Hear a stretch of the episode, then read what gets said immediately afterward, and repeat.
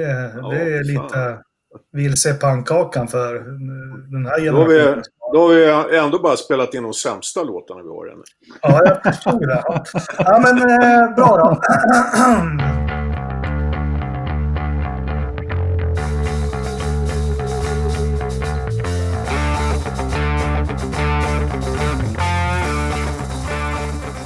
Direkt från Västerås, Forsapudden nummer 48. Eh, idag är vi inte ett par eller en, eh, vad heter det, triss, utan vi är en kvartett. Eh, Joakim Ternström, välkommen. Tack, tack. Ridderstolpe, välkommen. Tack, tack. Och Lövström, välkommen. Tack. Trio var ordet du letade efter tror jag. Trio, ja. ja. Trist. Tristess. Ja, jag, jag, var den enda som hade förnamn. Ja, precis. Ja. Och Jakob, vad heter du då? eh, Engelmark. ja, bra. Nu är alla presenterade. Ja. Eh, Lysande. Återigen. Jag känner press på mig. Jag har fått mycket glada tillrop att förra veckans Verstappen var bland det bästa man har hört. Det, det finns en fortsättning på den, men jag vet inte om jag vågar ta den. Du kanske kan dra den sen i anslutning till Verstappen på slutet så de som har tröttnat på att lyssna kan eh, ha lättare att stänga av. Ja, precis. Äh, men alla, vi skiter i, alla mår bra och är glada. Ska vi, ska vi köra igång direkt? Det har varit en racingfri helg, i alla fall på den stora internationella scenen. Men vi har ju, vi har ju en midsommarhelg här att se fram emot med lite... Racingfri? Ja. Fan, är ett av racingens tre blå band har ju för fan kört sig helgen. Äh, det har inte varit... Det har inte varit någon Formel 1. Uh, ja. Så vi klipper där. Så. Uh, då det inte har varit någon Formel 1 eller Indycar här i helgen så har ju en av juvelerna i, i Triple Crown, Le Mans, varit i helgen för alla som har haft lite racing-abstinens. Uh, förutom att dansa runt stången i helgen så har vi ju uh, Tärnström redan dragit på sig folkdräkten från Vad fan, vad har du, dansade du runt stången i helgen som var? ja, det är allt du ska säga om det var. Det kör vi nästa vecka. Ja, vi, får, vi, ber, vi ber lyssnarna om ursäkt. Ja, igen. Ja. Det här... alltså, ska det här programmet egentligen eh, sändas efter midsommar eller vad, vad har du tänkt Jakob? Ja, ja det, det är jävligt stressigt just nu. ja, det är väldigt stressigt. Hör du Jakob, ta lite vatten där som du håller, håller, håller på att häller upp och, och lugna ner dig lite så kan vi prata lite Le under tiden. Ja, men jo, nej, men till helgen som kommer så förutom att fira midsommar, dricka nubbe och dansa runt stången och äta sill så har vi ju faktiskt eh, två höjdpunkter. Vi har ju Formel 1 från Paul Ricard och vi har Indycar från eh, Road of America. Där satt jag. Jajamensan. Bra ja. jobbat Jakob. Ja, ja, jag, jag hävdar att du ändå har lite fel där. Va? Det, det, det är en höjdpunkt. Det är Indycar från Elcourt Lake. Ja. Ja. ja. Jag tittade alldeles nyss på, på första varvet på Frankrikes GP förra året faktiskt. Ja. ja. Och är det så att det är tråkigt i år så kan man ju slå på det. För åtminstone första varvet var väldigt spännande med eh, eh Fettel som petade av Bottas. Eh, Ocon som körde ihop med Gasly. Eh, och vem låg på tredje plats efter två kurvor, Jakob? Ingen aning. Sainz i Renault. Jaha. Ja. Mm. ja. Uh, Okej, okay. ja. ja. Vi har ju vi har ju ett lopp att se fram emot här i helgen som sagt. Så vi ska försöka fokusera på det och inte på, på, på det som var förra helgen. Då. Uh...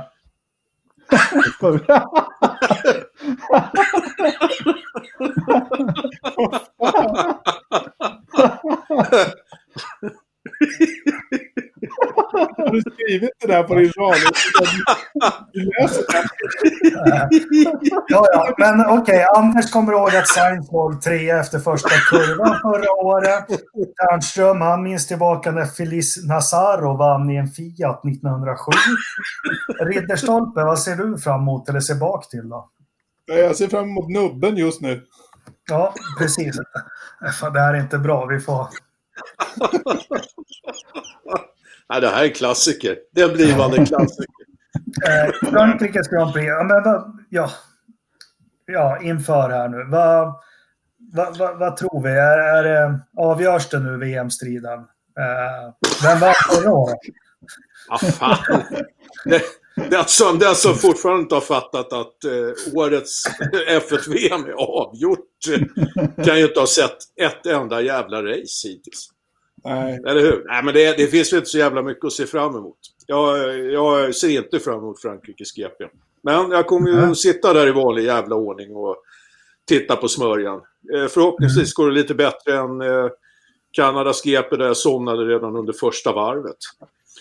Eh, kan jag hålla mig vaken två, tre första varven så är jag nöjd. Och sen så vaknar jag väl till någon gång runt varv 25 sådär. 25-30. Ja, men har vi inte lite saker, alltså Frankrike, det är lite, det är en liten svensk bana. Två segrar av Ronnie Pettersson, 73 och 74. Eh, nu har vi inga Ja. svenskar med, men, eh, men, men det händer ju lite nu, nu när vi har flabbat klart här. Då. Eh, jag tänker på, det finns ju lite att se fram emot i alla fall, eller man kan hoppas på att försöka Ternström. Vi har Renault bland annat. Eh, verkar ha fått ordning på det här med motorn. Jag har läst på lite om det. Det är någonting de har gjort med crankshaft. Äh, Mm. skit samma. Jo, det Uh, stämmer. ja, eh, ja, eller något som sitter bredvid veavaxeln. Nej, jag vet inte fan. Eh, är det något mer att se fram emot? Nej. Nej. Ja, men visst var det inte ett tråkigt race förra året? Var det inte det? Jo. Jag har för mig att jag var sjukt besviken på, på banan och liksom allt så här. Det, Jag har ju svårt med färgerna. Jag får ont i huvudet. ja, men precis. Det var en jävla massa snack om, om alla eh, så här, linjer bredvid banan. Liksom, att det var så massa Ja. färger. Ja, men alltså det, det, är, det är ju egentligen en rätt trist bana så där, som man har piffat upp med lite, lite färg. Då brukar det bli bra foton därifrån. Liksom. Det, det, det, men det är ju inte, Ja, det är inte, riktigt, det, det är inte Ja. det som är, är, är vårt intresse direkt. Så. Vi vill ju ha bra racing. Jag tycker man har förstört banan lite grann med, med den här fjantiga jävla chikanen där på Mistralraken. Den, den ska ju vara, det ska bara vara järnet ner mot den där jävla böjen. Ja. Och, och, eh, nej, men det är... Nej, jag vet inte. Nej, det är ju en sån här bana. Det är, de kommer, det är ju asfalt överallt. Va? Så de, eh, de kommer att köra överallt och sen så kommer det bli en massa eh, såna här tveksamma domslut. Vi kommer att se den där skylten eh, i överkant av rutan. Liksom att eh, ja, den här händelsen utreds. Liksom, nummer eh, eh, 18 här eller vem fan det nu är. Liksom. Och sen så blir det ett eh, tidstillägg eller eh, någonting som man kommer på efter tävlingen. Ja, Ja, Ternström. Ja, heter det? Du har redan målat upp här hur fantastiskt bra det kommer att bli i helgen. Med Ja. alla dina förutsägelser. Kommer förmodligen att slå in. Jag kan säga så här. Jag hade inga förväntningar på Paul Ricard förra året. Så att jag vet inte om jag tyckte att det var så. Jag hade väldigt låga förväntningar ska vi säga. Typ inga alls. Så att jag tyckte nog att det var hyfsat ändå. Att det bra, var lite, lite bättre racing än eh, förväntat dock. Men eh, visst, jag håller med. Det är ju ingen, eh, det är ju ingen Il Notre Dame direkt. Det är ju inte. Där man kan braka över eh, eh, gräskanten och komma upp på banan och få fem, fem sekunders tillägg. Här får man ju braka rätt, rätt, rätt emellan chikanerna och få fem sekunder istället. Nej. Jag tycker att vi borde för, förbjuda fem sekunder. Nej, men eh, det, ja, om Bottas vinner så kanske det blir lite roligt. Annars så vet jag inte. Ja, men det, det, det är väl det. Det finns ju inte så mycket, finns inte så mycket spänning.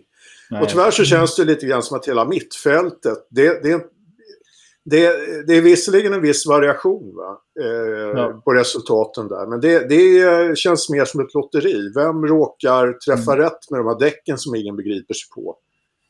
Ja, men, det var, men det var ju precis det som Günther Steiner sa i någon artikel jag läste häromdagen. Eller ja, det var på formel1.com igår eller något.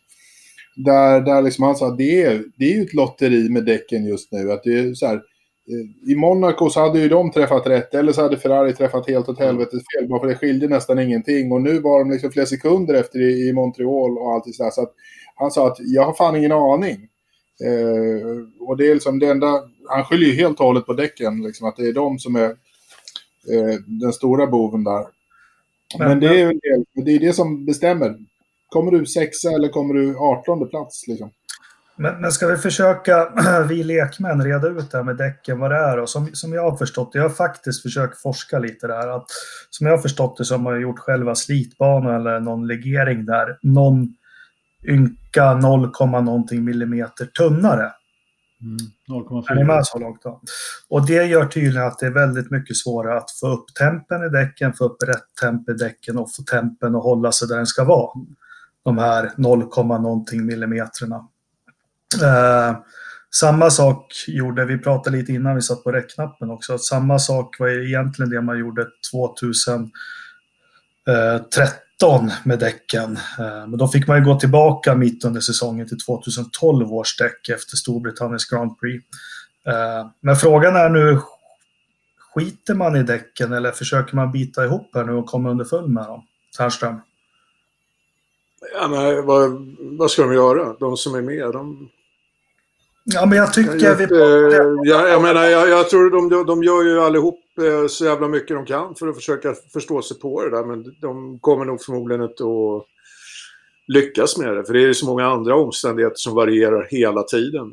Yttertemperaturer och så vidare. Det är luft och det är asfalt och, och eh, det är olika, olika asfalt på, på banan och så vidare. Så att, jag tror att sannolikheten för att eh, de här teamen ska lyckas pricka mer rätt än vad de har gjort tidigare under säsongen. Den är väl ganska, ganska liten, känns det som. Men, men, men om man tittar på Haas då. Eh, jag vet inte exakt, nu har ju Günther gått ut och sagt det som ni nyss berättade om. Men de, vad det verkar, verkar kunna tutta på däcken rätt bra i kval, eller?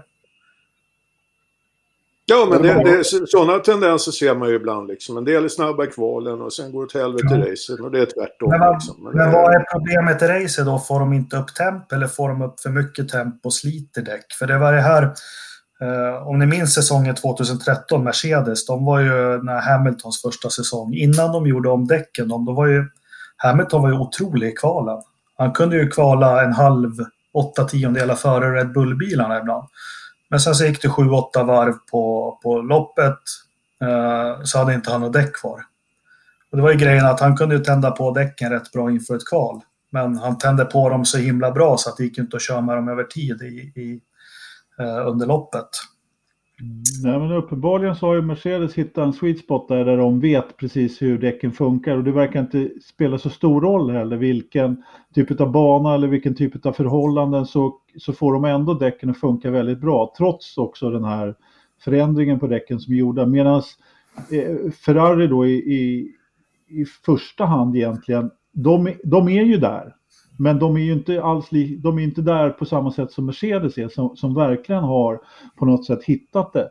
Eh, och samtidigt så, så är det ju också så att de här stallen med mindre resurser, till exempel, det har vi pratat om tidigare också, och Haas då som, som eh, förlitar sig väldigt mycket på Ferraris hjulupphängning bak och hela det kittet. Och, ja, de, har, de får ju inte riktigt det att stämma på, på samma sätt och ligger Ferrari efter, ja, då ligger ju Haas ännu mer efter och Alfa Romeo ännu mer efter eftersom de inte har riktigt lika mycket prylar från Ferrari. Så det, det, är ju som vanligt att eh, Mercedes har ju verkligen hittat den här, eh, den här, det här fönstret där de, kan, eh, där de kan vara och leka. Och det, här har vi, det här har ju gått igenom, det är inte bara nu, utan det här har hållit på i flera år på samma sätt som de har lyckats verkligen och, och manövrera sig rätt i, med det här. Jag, jag kan inte, svårt att veta mer.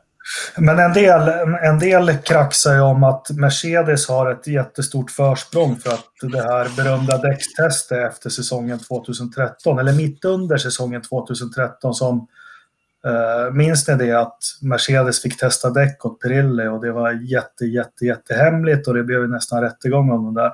Eh, en del tyckare och tänkare och förståsigpåare hävdar att därifrån så skaffar sig Mercedes ett försprång som de fortfarande har. Men Ridderstolpe, du, du, hade du läst någonting? Börjar man strunta i det här om, om däcken nu eller? Nej, alltså grejen är väl det att man, man, för att kunna gå tillbaka som man gjorde 2013 till 2012 så behöver man ju 70 procent av teamen som ska rösta för en, en tillbakagång. Och eh, Pirelli har ju precis eh, nyligen gått ut med det, att det är ingen som har bett om eh, en tillbakagång till, till tidigare eh, formula på, på däcksblandningen eller slitbanan. Så, där, så att det, vi kommer ha de här däcken resten av året nu i alla fall. Så är, så är det. Men jag sitter och funderar nu när vi, när vi pratar om det liksom och då... Jag gör en parallell mellan däcken och aerodynamik och när Red Bull var så sjukt duktiga så, här, så att de hade Adrian Newey på Aeron. Kan det vara som så att Mercedes har en däcksvariant av Adrian Newey för att hålla koll på däcken som verkligen fattar hur man gör för att få de här däcken. Om de nu har gjort det år efter år efter år så måste de ju ha någon jävligt smart kille eller tjej på, på liksom däcks, eh, eh däcksingenjören, vad fan vet jag liksom, som, som får det här att funka hela tiden. Varför det är inte som så att eh, det är inga idioter som sitter i Ferrari eller, eller på Red Bull liksom. Men, men de har hittat någon sweet spot-nisse där som verkligen har hittat och, och, förstår hur man gör för att fixa ett kval och ett race på den här typen av däck. Vad tror du om den spekulationen, Ternström? Nej, men det, det eh, ligger väl någonting i det. Jag, jag tror att eh, det, det, vi ser är ju på något sätt resultatet av en, en kombination av eh, dels att eh, i synnerhet Mercedes då, men även Ferrari och Red Bull har väl ändå hygglig koll på det här. Men, men det, det, det är nog så att det krävs en hel del resurser för att eh, hitta metoder för att liksom få kontroll eh, på däcken. Alltså det krävs nog ganska avancerade eh, datorsimuleringar och analyser för att eh, kunna liksom verkligen få den där kollen på hur ett däck beter sig.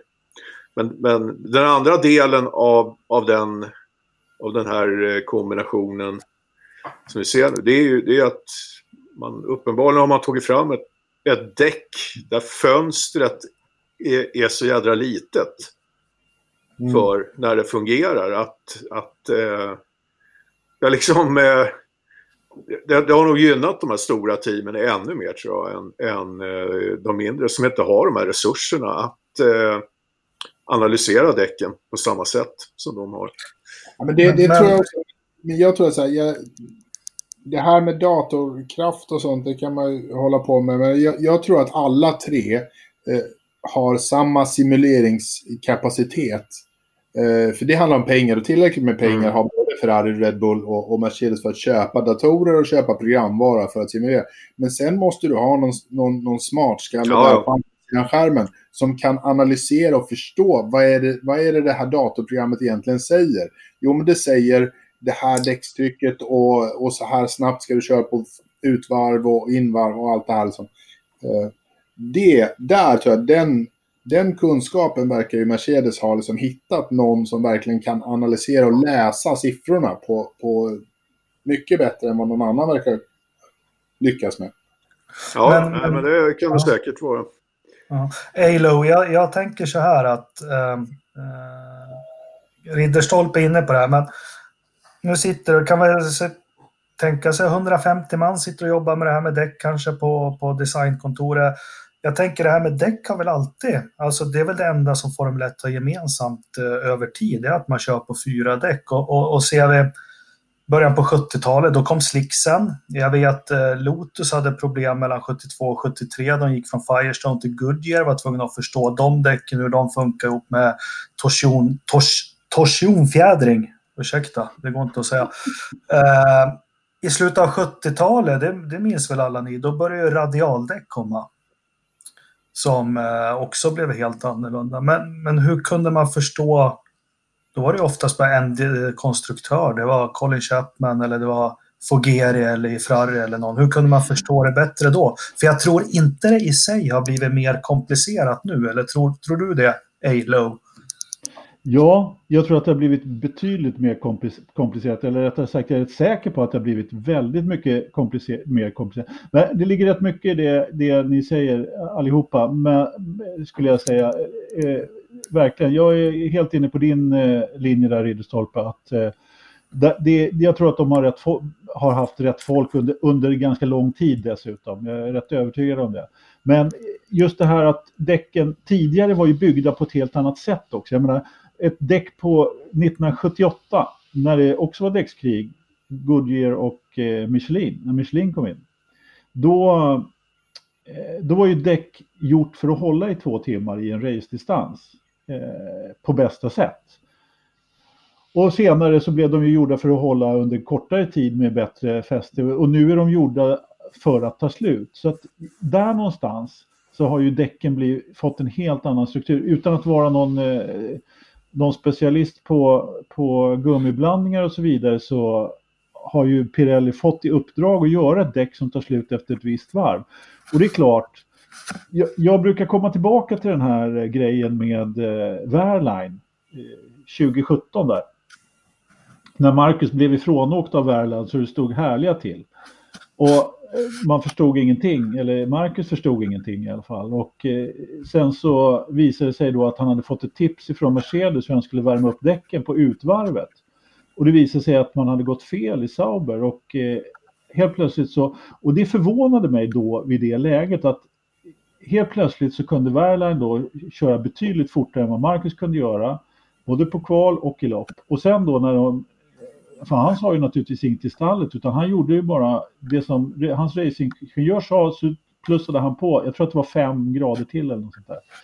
Det var ganska mycket i alla fall i temperatur som, som skilde och sen då när, eh, när hela stallet fick vetskap om detta så helt plötsligt så gick bilen oerhört mycket fortare eh, på båda förarna helt plötsligt. Och det säger ju också hur mycket det gör och hur fel ett sånt stall som Sauber då med de resurserna de hade då kan göra. Eh, och vilken koll Mercedes hade på det läget. Det säger ju mm. lite grann om, om ja. förhållanden. Men Anders, du sätter ju huvudet på spiken där. Du är väl fyra barns pappa va? Typ. Ja, du är ingen specialist på gummiblandningar. Så... Nej. Så det var väl det vi fick ut av det här. Ja, nej, men jag tycker det är väl lite för mycket gnäll. Men, men kom underfull med däcken här nu och, och kör ja. på. Men, eh, men, men, eh, det är intressant också att det inte är några stall som vill göra några förändringar. För det är väl, ja, Tärnström. Ja, men jag bara tänker, det är, egentligen, jag tycker ju hela jävla däckdiskussionen är ju bara så vansinnigt jävla trist. Och ändå så är det det vi sitter och, och snackar om. Ja, vi skiter i det nu. Jag vill snacka lite Renault. Ja. Uh, ja, jag vill faktiskt göra det. Och jag, jag fortsätter på den inslagna vägen att Ricciardo kör över Hulkenberg. Uh, nu börjar vi var ju först med det, Forsa-podden uppmärksammade och nu börjar, nu börjar fler och fler medier och i andra poddar och i bloggar och allt möjligt så börjar man verkligen uppmärksamma det här. Det var någonstans, jag läste på tre olika ställen att har vi överskattat Hylkenberg och så vidare och så vidare. Så i slutet av 2022 så kanske Viasat kommer fram till samma sak. Men det är en annan sak. Eh, Renault, nu har Cyril gått ut med och sagt att de hade ett kommunikationsproblem tidigare. Eh, han har sagt att bilen ska gå mycket fortare än vad den har gjort och det har varit ett problem. Eh, de säger att de kommer med en... De säger att de kommer med en ny... Vad sa du? Kommunikationsproblem? Ja, ja han pratar franska, de andra pratar engelska. Alltså, vi, återigen, det är som svaret på alla frågorna vi pratar om. De är ju fransmän. De är från Frankrike. Förlåt Jakob. Ja. Nej, men du har helt rätt. Men eh, sen nu kommer de i helgen med en helt ny bil. Eller delvis en ny bil och så. Det är hemmarace. Av tradition så lyckas alltid Renault väldigt bra. I alla fall under kvalen när det är hemmarace. Så vad kan vi förvänta oss av Renault nu då i Frankrike? Vad tror ni? Och vad tror Ternström om styrkeförhållanden Hülkenberg-Ricciardo? Ja, jag tillhör de där som alltid har, eh, har alltid hållit eh, Hülkenberg rätt, rätt högt. Men, eh, nej men det är klart, han har ju inte, han har inte matchat Ricciardo så här långt. Men eh, som sagt, bilen har inte riktigt gått. I Kanada så eh, såg de ju rätt eh, hyggligt eh, jämna ut. Men jag, jag, tycker det som är lite intressant här med kommunikationsproblemet internt. Det här är ju någonting som eh, högre makter inom Formel 1 ska lyssna noga på tror jag. Det, det eh, Abite Bull säger är ju egentligen att eh, eh, eh den här F1-satsningen har ju blivit liksom lite ifrågasatt internt. Eh, för han, eh, han har ju lovat, och satsningen är ju gjord, eh, så att säga under någon sorts premiss, liksom att under en femårsperiod här så ska, ska det liksom eh, smälla till. Eh, så att eh, jag, jag, tror eh, det, det, här racet kommer att bli otroligt viktigt för Renault. Att eh, visa på hemmaplan att eh, de, de, de är att räkna med och att de faktiskt någonstans har tagit ett, ett steg framåt jämfört med i fjol. Skulle det här racet bli en riktig jädra katastrof, då kanske det kommer att bli ännu tuffare eh, internt att motivera den här satsningen eh, på Formel 1. Tror du de drar pluggen? Ja, det kan de ju göra. Eh, jag menar, det här med F1-satsningen var ju Carlos Ghosts eh, skötebarn lite grann.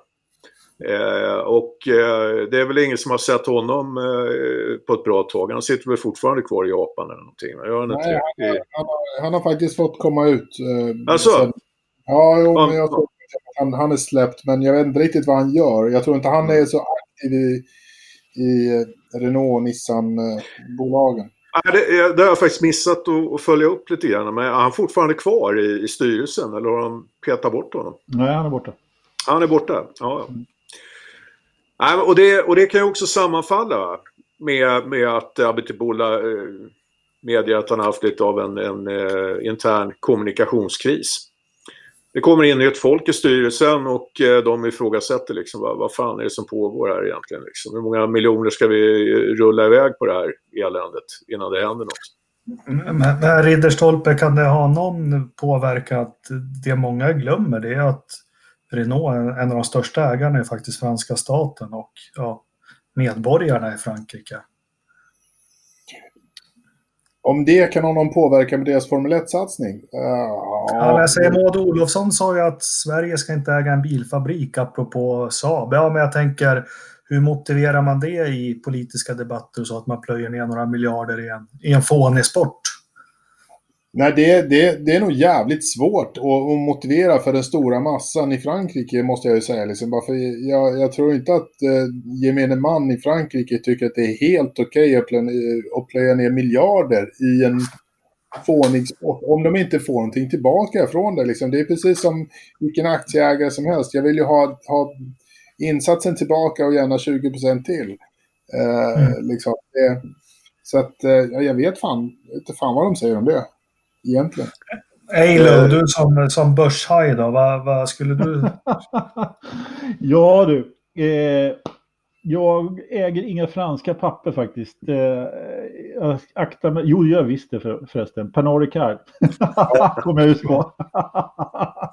det är ju, det, det är ju Ricard som, eh, det är Ricard, det är samma Ricard som i Paul, eh, som är i racerbanan faktiskt. Nej, men jag har inte så mycket att tillägga egentligen. Jag är inte så jäkla säker på att eh, det stormar sådär jättemycket i styrelserummet än så länge. Men däremot så håller jag med om att det kan säkert börja göra det eh, inom sinom tid så att säga.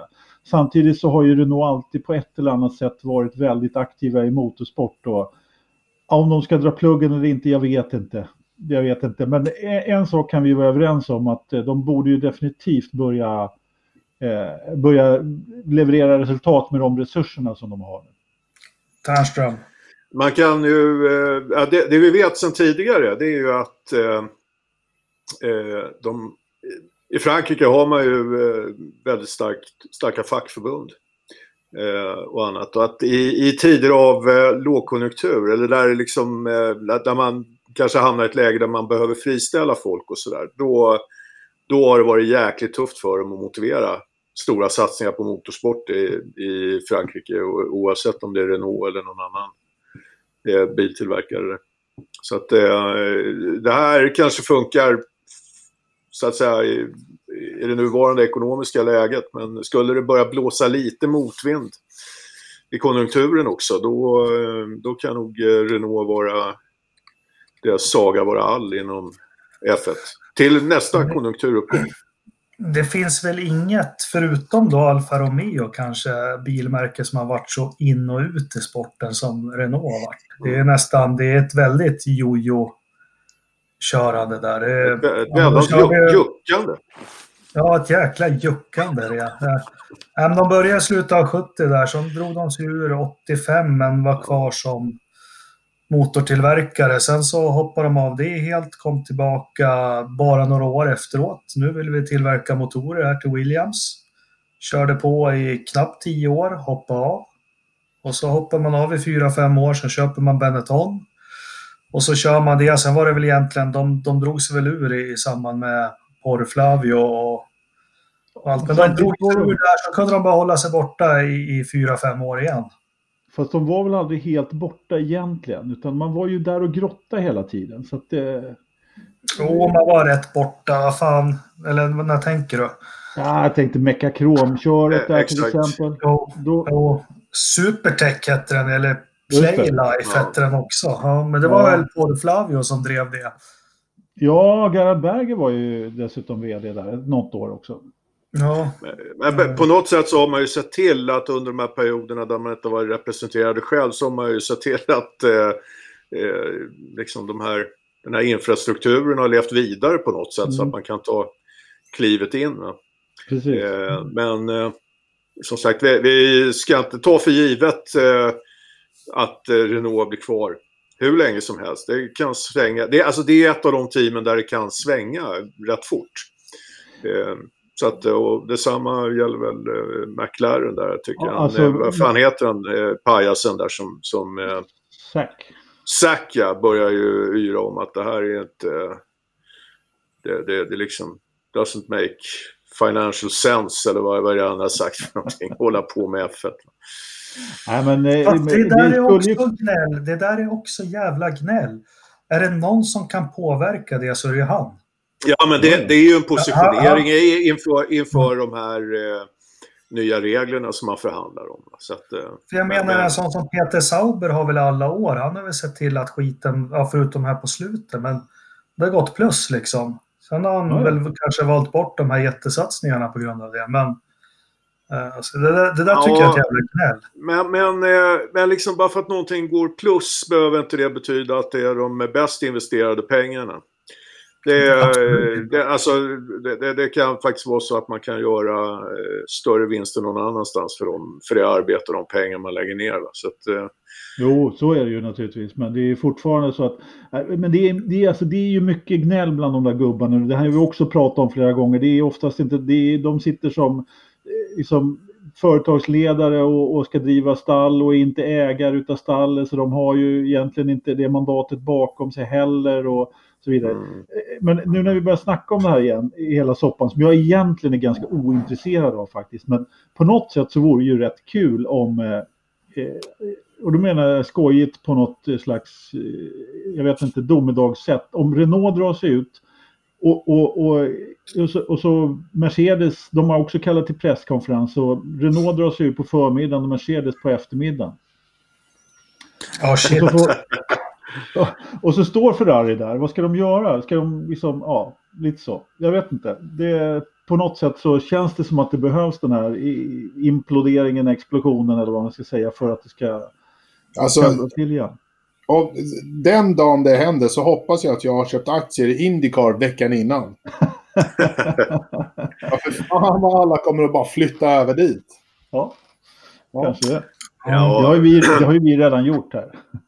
Ja, exakt. Ja, men det, det, det som är lite är, intressant är att de här...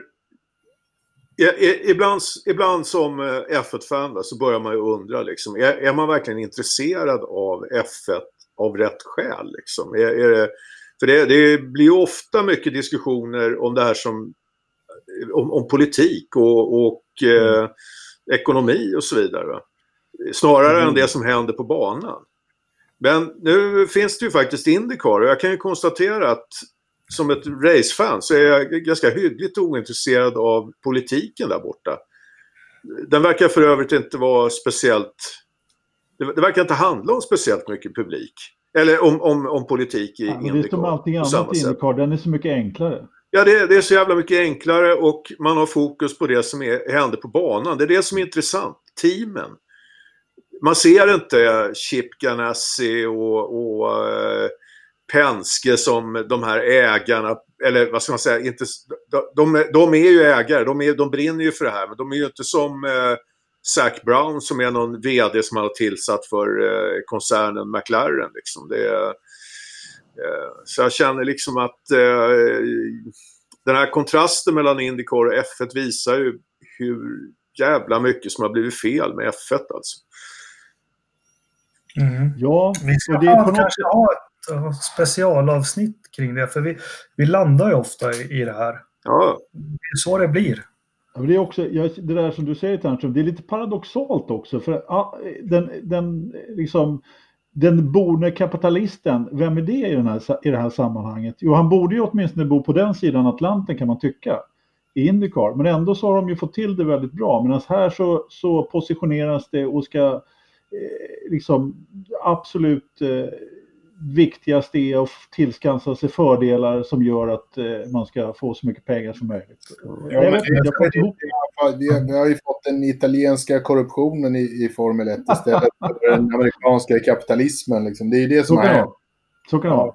Det... Men har det inte lite med att göra det här slitna uttrycket att vara en racer? Alltså för jag tror ju Chip Ganassi och Penske och de här, de är ju racer, de älskar motorsport. Men mm. är Zac Brown en sån? Är ja, Christian Horner är väl lite grann, men är han lika mycket som Kent Turell var eller som Chip Ganassi är? Uh, vad har vi mer den här? Ja, Ferrari behöver vi inte prata om, men Claire Williams, hon är en racer som, som farsan hennes var. Det är klart, det handlar inte om att driva racerteam, det handlar om att driva företag. Ja, och det vi kommer fram till är att det finns ju egentligen bara en utav de här stallcheferna som är någonting att ha. Och vem är det? Eddie Jordan. Nej, men utav de som är aktiva nu. Günther. Ja, ja, ja. Ja, ja, Günther. Ja, har ni tittat något mer på hans Twitterkonto? Ja, men det är ju inte hans Twitterkonto. Nej, det lyssnar du inte på förra podden? Nej, vad fan ska jag göra det för? Ja. Så vi konstaterar just att, att oavsett vems konto det är så är det nog bland det roligaste ja, som har. Precis. Jävligt bra. Ternström, ja. du kanske hade lärt dig något som Ridderstolpe sa, sa här. Ja, okej. Okay. jag törs ju inte lyssna på eh, poddarna när inte jag är med. Vadå då? Ja, men eh, sitta, sitta där och, i bilen och susa ner till Skåne och sen så hör man tre jävla stollar som snackar skit om Ja, ja vad fan. vad fan. Det är samma sak som att åka bil med dig. Hörrni, jag har lite andra spaningar faktiskt. Jag är förberedd för första gången. Jag har, jag har en annan spaning. Eh, det här gör ju ont i mitt hjärta ni vet ju alla lyssnare och, ni kära kollegor vad som hände den dagen jag fick den här fina tröjan i direktsändning. Eh, den här det står 77 och Bottas på.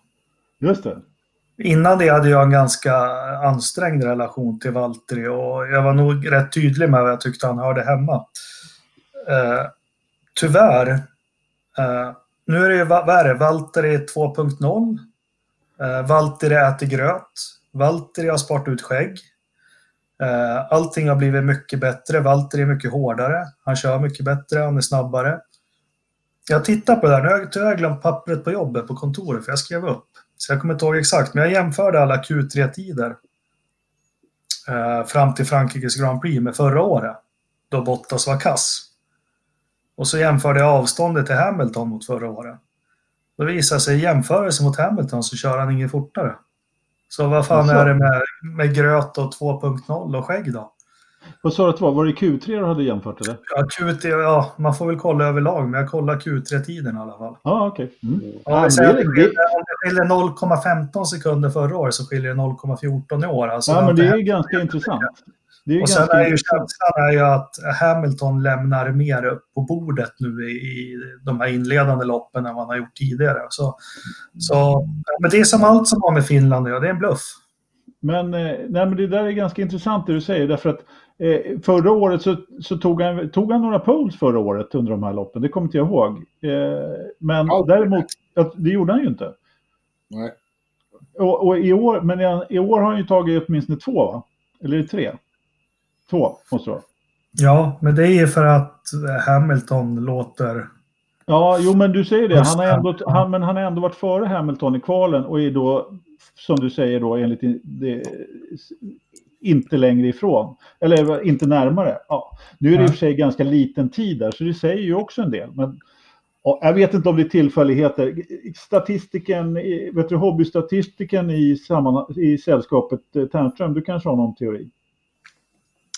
Ja, ja, just det. Fan, jag har ju blivit en jävel på eh, kvalstatistik i Indycar. Men eh, Formel 1 eh, håller jag inte riktigt lika bra koll på. Det, det jag funderar är väl lite grann att eh, det har kanske varit lite lättare för eh, Bottas att eh, eh köra på en jämn och eh, hög resultatnivå poängmässigt sådär. Men eh, Red Bull har inte eh, bjudit på riktigt lika mycket motstånd ändå tycker jag som, som i fjol alltså. Eh, konstigt nog, även om jag tycker liksom att de har tagit ett bra steg framåt med själva Honda-motorn där. Eh, och Ferrari har ju eh, klantat bort sig och varit lite bleka så han har ju fått rätt god hjälp på vägen här i inledningen av säsongen. Eh, men jag tycker de senaste tävlingarna så eh, har han ju sett lite eh, man börjar känna igen den gamle Bottas igen. Tycker jag. Nej, men så, så, här är det att känna igen. Han har ju inte blivit något sämre de sista loppen utan det är tillfälligheter som gör att han, mm. han har hamnat där på femte plats och kört sitt race. Och Australien och så, han käkade gröt och hade skägg. Men då låg som låg etta, det fanns inget liksom bakifrån som hotade. Men det jag tänker med den här spaningen, det är ju att vi har ju Ocon lurar i vassen. Och media har ju sagt hela tiden att nu motar Bottas och Con här i grinden att, genom att köra så mycket bättre. Men om det fortsätter så här och Mercedes, Mercedes eh, tittar på det här i slutet av året och så konstaterar de att nej, men Bottas har inte utvecklats på de här tre åren. Han är ingen närmare Hamilton i ren fart än vad han var första året. Ja, Då måste du, det ligga i fatet. Ja, ja, men jag tror, eh, om man säger så här, Eh, vi har inte tillgång till allt det som Mercedes har tillgång till när det gäller dataloggar och annat. Alltså, de har ju järnkoll på om man verkligen mm. är snabbare eller inte. Om man har närmat sig Hamilton eller inte. Liksom. Det, det, är, det är inte bara poängtabellen som de sitter och kollar på. Ja, men jag måste få spekulera. Vad fan, det är... Ja, ja, nej men eh, så, så, så mycket väl. Ja, ja, det kanske inte är så att han sitter så mycket säkrare än vad han gjorde i fjol. Det är klart han, så han gjorde jävligt mycket eh, riktigt bleka insatser i rätt många race i fjol. Va? Men, eh... Jo, men vad var det vi pratade om det förra, förra podden som du inte lyssnade på? Men han var ju superblek igen i Kanada och just ja. det här som irriterade mig det var att han sa efter loppet att det här avgjordes ja. på lördagen. Nej, men eh, det, det, jag bara skulle det säger väl rätt mycket om hans psyke. Jag vet inte om han sitter så mycket ja. säkrare ja, eller osäkrare. Och, och, ja visst, Ocon lurar i vassen, men hallå. Eh, det är ju precis det, jag menar Lewis, om han får bestämma, och han har ju fort, förmodligen ganska mycket att säga till, så länge han sitter säker i Mercedes så tror jag att han är alldeles jätteglad att ha Bottas där och inte Ocon. Så skulle jag säga.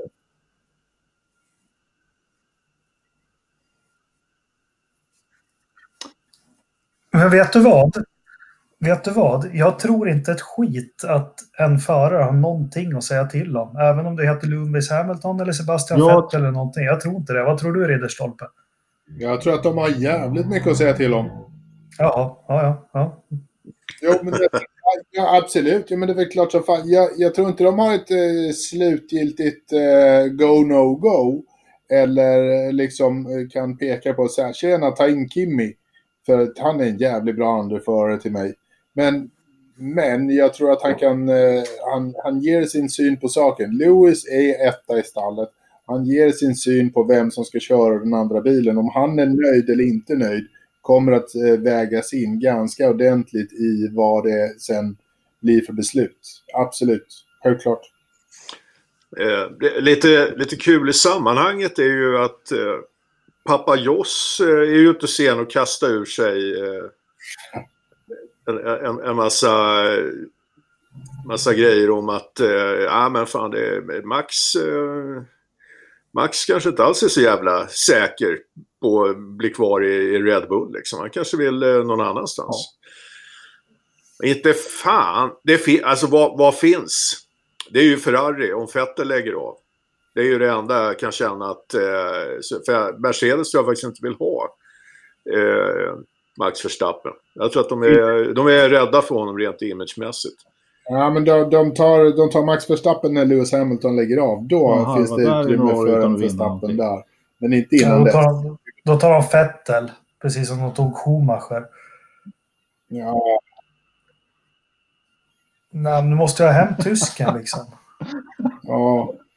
Då kommer Sen det någon annan. Då, oh, sen invaderar de Polen. Sen är det, sen är det inget F1-VM på sex år igen. Precis. Ja. Sen har vi paus. Ja. Ja, jag, jag, har en, jag har en till spaning då. Den där gick inte riktigt hem. Eh, Ridderstolpe. Ja. Du har ju varit eh, ingen stor anhängare av den här mannen, men öppnar Robert Kubica sin sista burkskinka i motorhomet nu inför sponsorerna i Frankrikes Grand Prix, eller? Frågan är väl liksom vem fan det är de ska sätta in där istället. Mer än om han har kört sitt sista lopp eller inte. För det är liksom, det, det, det är ju bara en tidsfråga innan han har gjort det. Liksom. Men. Vem ska de ta istället? Latifi? Eller eh, vem då? Kan, kan det bli värre? Liksom, vad finns det för kandidater? Det är nog mest det som styr hans eh, burkskinkor eller inte. Mer än någonting annat. Mm, mm. Nej, det kan inte bli värre. Men, men liksom... Det är, liksom, det, det är mycket som ska falla på plats som alltid i sådana saker. Liksom. Men eh, Latifi vill väl gå in med pengar, eller hur var det? Martin vill också gå in med pengar och, och massa sådana grejer. Liksom. Och det, det är väl det som styr ganska hårt också, vem det är som man väljer i slutändan. Att det finns en lista på tre till fem förare som är potentiella för övrigt en, ersättare. Det gör det säkert. en joker till i leken angående Mercedes-styrningen där. Vilka kriterier ska, ska styra? Russell. Han eh, vill ju säkert gärna köra Mercedes innan han, inom kort. Han, han tänker nog inte nöja sig med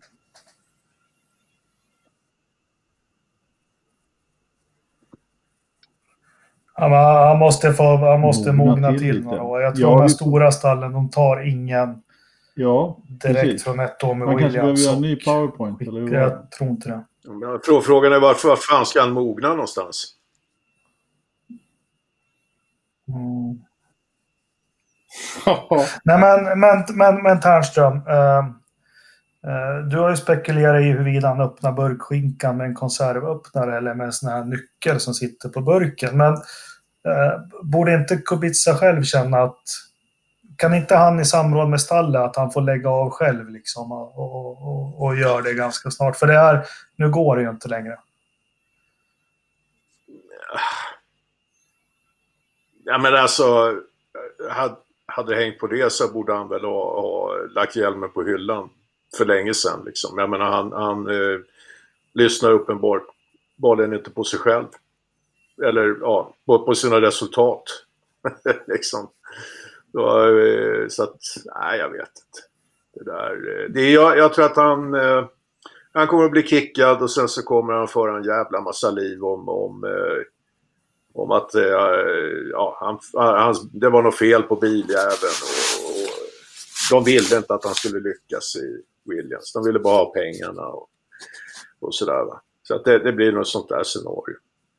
Det var det faktiskt lite intressant. Jag, jag jobbade med en kille från Polen eh, när han var, för, för, alltså för tio år sedan, när han var stor och bra och duktig innan han kraschade och höll på eh, i rallygrejer och sånt där. Och han var ju, han, alltså han var ju inte, han var ju ganska illa omtyckt i Polen. Folk mm -hmm. tyckte att han riktig jävla diva som bara liksom så här, han var så styr i korken, han var så jävla duktig, fan vad bra jag är liksom. Det fanns ingen som helst ödmjukhet ja, drar mig till minnes precis samma saker och, och, det finns väl en viss bitterhet att han i yngre år var mycket mer dragen till Italien än till sitt hemland också. Ja, ja. Ja det, för, det förklarar, förklarar varför jag som eh, möjligen med eh, en, en eh, kvarts Möjligen kvarts Kvarts. Jag har haft lite svårt för kill. Okej, okay. Ja, det är, det är lite osäkert där. Ja. ja. Du, du, köpte, sist... köpte polsk sprit från lastbilschaffet sen. Ja, men alltså det, det är på, på den eh, gamla goda tiden så, eh, så var ju liksom gränserna lite lätt... Eh, de, de, de, var ju inte vad de är idag. Va? Ja, man, kunde, man, och man, man, kunde vara tysk eh, i eh, Gdansk till exempel men ha polskt efternamn och såna här saker. Så att, Fast ja. du tillhör väl generationen när man drog till... Man packade en ICA-kasse eller Konsumkasse full med ABC-jeans och så drog man till Svinucci. Och levde som en kung med de där jeansen. Ja, jo, för fan. Nej, men jag kommer ihåg den tiden. Så. Herregud. Ja. Spaning nummer tre då i eh, Frankrike innan vi ger oss över på Indien. Ja, men den här, det här är ju faktiskt helt oförberett så lämnar vi över den till Ternström. Ternström, nu vill vi höra din spaning från italiensk media. Hur går snacket där? Uh, uh, vi, vi, du refererar ju ofta till italiensk media. Ja, jag, har, jag har faktiskt noll koll. Jag har inte, jag har inte ägnat eh, motorsport knappt en tanke sedan mm. eh, ja, helgen där med Kanadas GP och, och Indycar i Texas. Mm. Så att, eh, ja, tyvärr. Det vart inte ja, mycket till spaning. Vi avslutar. Vi tar ett Frankrike-minne. Jag kan börja med mitt. Jag kommer faktiskt ihåg eh, Paul Ricard 1990. Eh, Ivan Capello höll på att skrällvinna i, i en Adrian Newey-ritad March Jödd både han och Google min. Eh, men det var Prost som tog dem med sin Ferrari till slut. Det, det tycker jag är ett bra minne. Ridderstolpe, har du något Frankrike-minne? Jag, Nej, jag, inga jag, jag försöker bara dra mig tillbaka till den här banan, fina tiden liksom. på Magnicor. ja. en bana som är bespottad av förarna men som rätt många åskådare tyckte, de som sitter hemma i alla fall och tittar på loppen tyckte var bra. Ja, ja, men en del förare gillar den, men ja, det var långt till allting och långt åt... Ja, inga journalister. Kimmy tyckte om den. Men och, och när Magnicor, mm. jag bara älskar ju den här Adelaide-hårnålen som är där. Jag, jag tycker det är en av de mest, bästa kurvorna på Formel 1-säsongen. Men när jag tänker på Frankrikes GP och Magnicor så tänker jag på när eh, Trulli körde över Alesi i eh, just den kurvan. Kommer inte riktigt ihåg vilket år det var, men det var väl när Trulli var nybakad där och kan ha varit kanske 97, 98 någon gång. Jaha. Sen eh, i och för sig Frankrikes GP, eh, nu ska vi se, 89 aha, var ju rätt trevligt. Den, måste, den har inte jag koll på. Han kom fyra i sin debut. Han gjorde ju det. Han gjorde ju det. Ja, det var rätt nära att vara pallen där faktiskt ett tag. I ja. Tyrell. Han låg ju tvåa ett tag då. Ja. ja, så är det. Second i first local, eller vad brukar de säga? Men närmare bollen än fyra kommer man ju inte, men man missar ju. Ja. Uh, ja. Jag kommer ihåg Frankrikes Grand Prix 94 annars när Alesi... ja, någon får googla det och titta. Det var det sjukaste han har gjort. Han spinner ju av och så ska han upp på banan och det är bara ja, fullt med damm och rök. Han, han spinner och spinner och spinner och håller på. Och så tar han med sig Baricello som är på väg mot ett jättefint resultat. Men, ja. Nej, han fick bruten julupphängning och, och allt möjligt. Jockiboi då, har du något Frankrike-minne? Ja, det har jag faktiskt. Och eh, det är faktiskt från Magnicor. Eh, när ja. 17 var detta? 2003, 4, 5? Nej, jag vet inte fan. Eh, jag var där med eh, SRTS, Stanley Dickens eh, Formel Renault-team då Alex Danielsson och Edvard Sandström körde för honom. Och eh, jag har ett speciellt minne där Edvard och jag gick och käkade eh, jättestora baguetter och, och eh, kaffe och lite annat och satte oss eh, på en liten mur där utanför och där stod hela gänget med, med såna här eh, eh, grid girls. Liksom. Massvis med snygga tjejer. Och vi hade händerna så jävla fulla så vi hade ingenstans att, att ha våra baguetter så vi satte dem mellan benen och satt och tuggade på halvmeters baguetter. måste, måste ha sett jävligt bisarrt ut. Ja. Så det, det, det, det såg ut som det var att ni utförde det. Satt, satt åt baguetter och tittade på tjejer. Jag tror du får prata för Jag tänkte det alla vi killar har, har, drömmer om det är att faktiskt utföra oralsex på sig själv. Och... ja. ja, det, det smakar salami kan jag tala om. På tal om men det. Men, det, men det, var ett, det, var ett, det var faktiskt ett trevligt minne från, från Magnicor. En jävla fin bana tycker jag. Jättefin ja, anläggning och, och eh, faktiskt en bana som eh, har växt med tiden. Förut tyckte man den var jävligt tråkig och trist när, när den kom. Ja, liksom. alltså, men eh, man har ju förstått att den var ju mycket bättre tiden, än Att man skulle ta alla de här balla kurvorna ja, från eh, kalendern och sammanfoga det till en bana. Det brukar ju aldrig bli riktigt bra. Men jag tyckte det var toppen verkligen. Okej. Okay. Mm. Mm. Och man, eh, man, man kommer nära banan där faktiskt. Man sitter väldigt nära. Jag tror att det är få F1-banor som du kommer så nära. Så att, eh, mm. ja. Ja, exakt. exakt. Det är goda baguetter. Det fick mig osökt att tänka på när vi hade BB, Bulletin Board, på Forza Motorsport.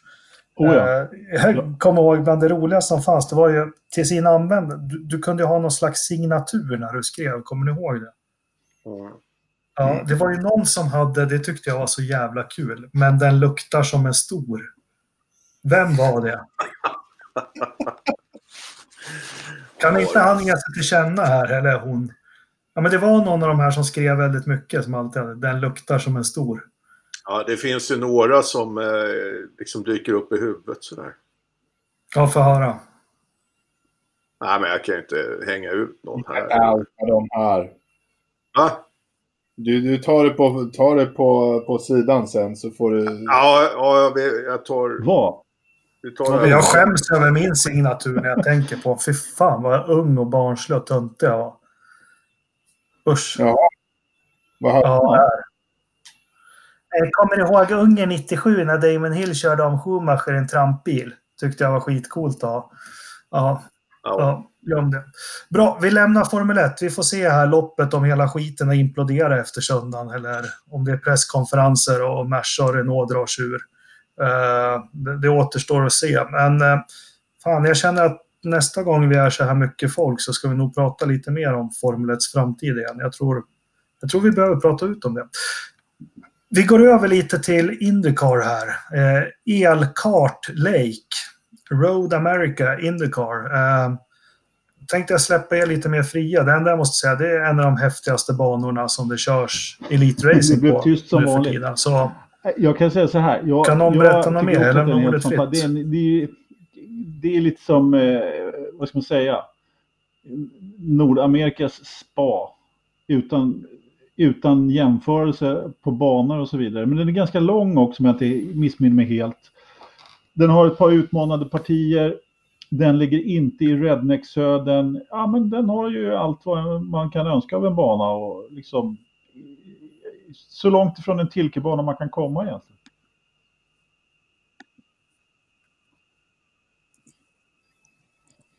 Mm. Ja, start och mål påminner jävligt mycket om Österrikes gamla bansträckning.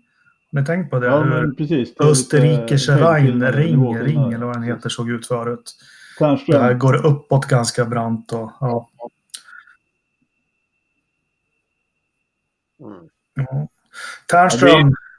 Det här är ju en av de roligaste, alltså så när jag körde, körde med, med datorn och sånt där, liksom hade VR-briller och, och liksom ratt och stol och grejer. Ja, ah, fan, det var skitskoj. Eh, då, då körde man ju jättegärna eh, den här eh, banan. Eh, för den, den är ju jävligt skoj att köra alltså. Vad var tjusningen med den då? Ja, men det var... Den, den var ett bra flow i den. Jag fick ett jävla bra flyt på den faktiskt. Jag gillade den. Det var en skön känsla. Ja, och det är, det är gräs utanför och det står en ja. mur i ytterkurva och det är ja, inga, inga fjanterier. Men du Ternström, eh, du forskar ju lite i Indycar. Eh, vad säger du? Vi har ju två svenskar här. Jag tänker framförallt mm. på Felix här nu som har haft det lite tungt. Vad, vad behöver hända här eh, till helgen för honom?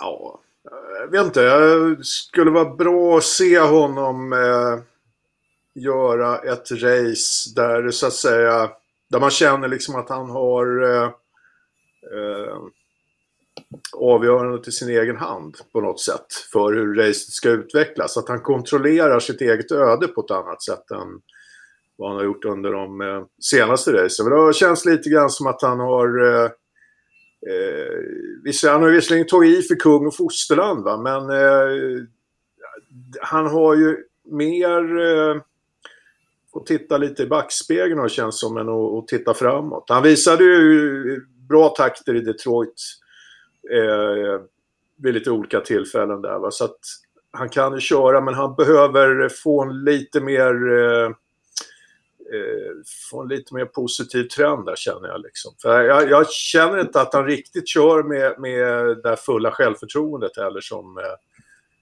som eh, han har normalt. Jag tror inte han är nöjd med hur eh, säsongen har sett ut så här långt. Va? Så jag, jag, tror att det, eh, han, han kommer att känna en stor press. Marcus, ja, han eh, kan väl köra med lite mindre press på den, till den här helgen. Liksom. Han har ett par bra race i, i ryggen nu liksom, och, och har väl liksom kunnat eh, eh, ta sig upp ur den där eh, på, på säker mark på något vis. Så att, eh, nej men det, det jag vet inte. Det, vi får se hur fan det går. Om vi säger de inbitna Marcus, Marcus-anhängarna, om man lyssnar på dem historiskt så ska det väl här vara en bana som ska passa Marcus som handen i handsken med snabba svepande kurvor eller? Ja, men det, det, spelar ju ingen roll eh, när det gäller hans eh, liksom de här hårdföra fansen. Va? Det, det, alla banor passar ju liksom Marcus. Riktigt så är det väl inte. Ja, det sitter på för de flesta banor och det vet jag att det passar inte honom speciellt bra ändå. Nej, men alltså det... Jag håller, jag håller ju med. Eh, jag håller med dig där att, att jag tror att Marcus kan gå in i, de, i det här loppet med, med ett större lugn i kroppen än vad Felix har just mm. nu. Eh, Marcus har ju ändå fått ett par rätt bra resultat eh, i, i, några lopp i rad här nu, vilket han inte har fått på, på väldigt många år. Så har han inte haft mer än liksom möjligtvis ett okej okay race. Sen har det varit ganska dåligt igen. Liksom så här. Nu har han haft flera stycken bra med då andra platsen där som grädde på moset. Men Felix har ju gått åt precis andra hållet kan man ju säga. Liksom börjar starkt och sen tappar han ju här nu. Va? Så att jag tror att Felix är definitivt det är mycket mer nerv nervositet i kroppen just nu. Men jag tror ju ändå att Felix eh, kommer att stötta tillbaks eh, den här helgen och att det ska bli rätt bra. Vad snygg du blev, Jakob. Ja, ja, diadem. Ja, jag ser det. Uh, nej, men det, det man skulle vilja se här, det är väl att kanske med Felix. Jag skulle vilja att han hade en jämnt och fint race utan några dippar eller någonting. Så får han gärna komma 7, 8, 9 eller vad som helst. Men, men nu har han ju hamnat i det här. Vi såg ju det i Detroit liksom att jag, jag kan ju inte motorsport så, men jag tror när självförtroendet inte är där till hundra, då hamnar du i situationer lite som han hamnar i där och, och blir påkörd och inklämd. och precis. Jag, jag vet inte riktigt hur man ska komma runt det. Kvala bra det är det kanske, som det man första.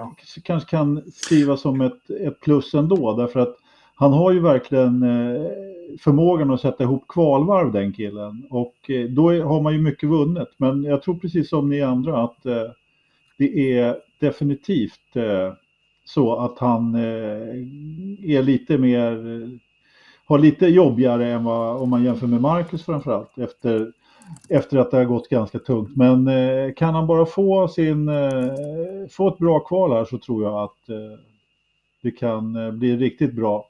Sen det där med att den här banan passar Marcus. Ja, det är det han har sagt själv hela tiden, att den här typen av banor med snabba kurvor passar honom. Men hans eh, första pallplats kom ju i Detroit som var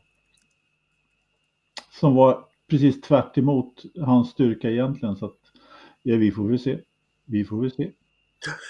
Jag, jag tror eh, grejen är lite grann här att eh, eh, Marcus och Felix eh, kör ju under väldigt, väldigt olika förutsättningar. Och jag tror att eh, de resultat Marcus har presterat eh, sista tiden här Eh, det, det, är på en nivå som, eh, eh, som är riktigt bra utifrån de förutsättningar som man har med det, med det teamet. Det, eh, Schmidt Peterson.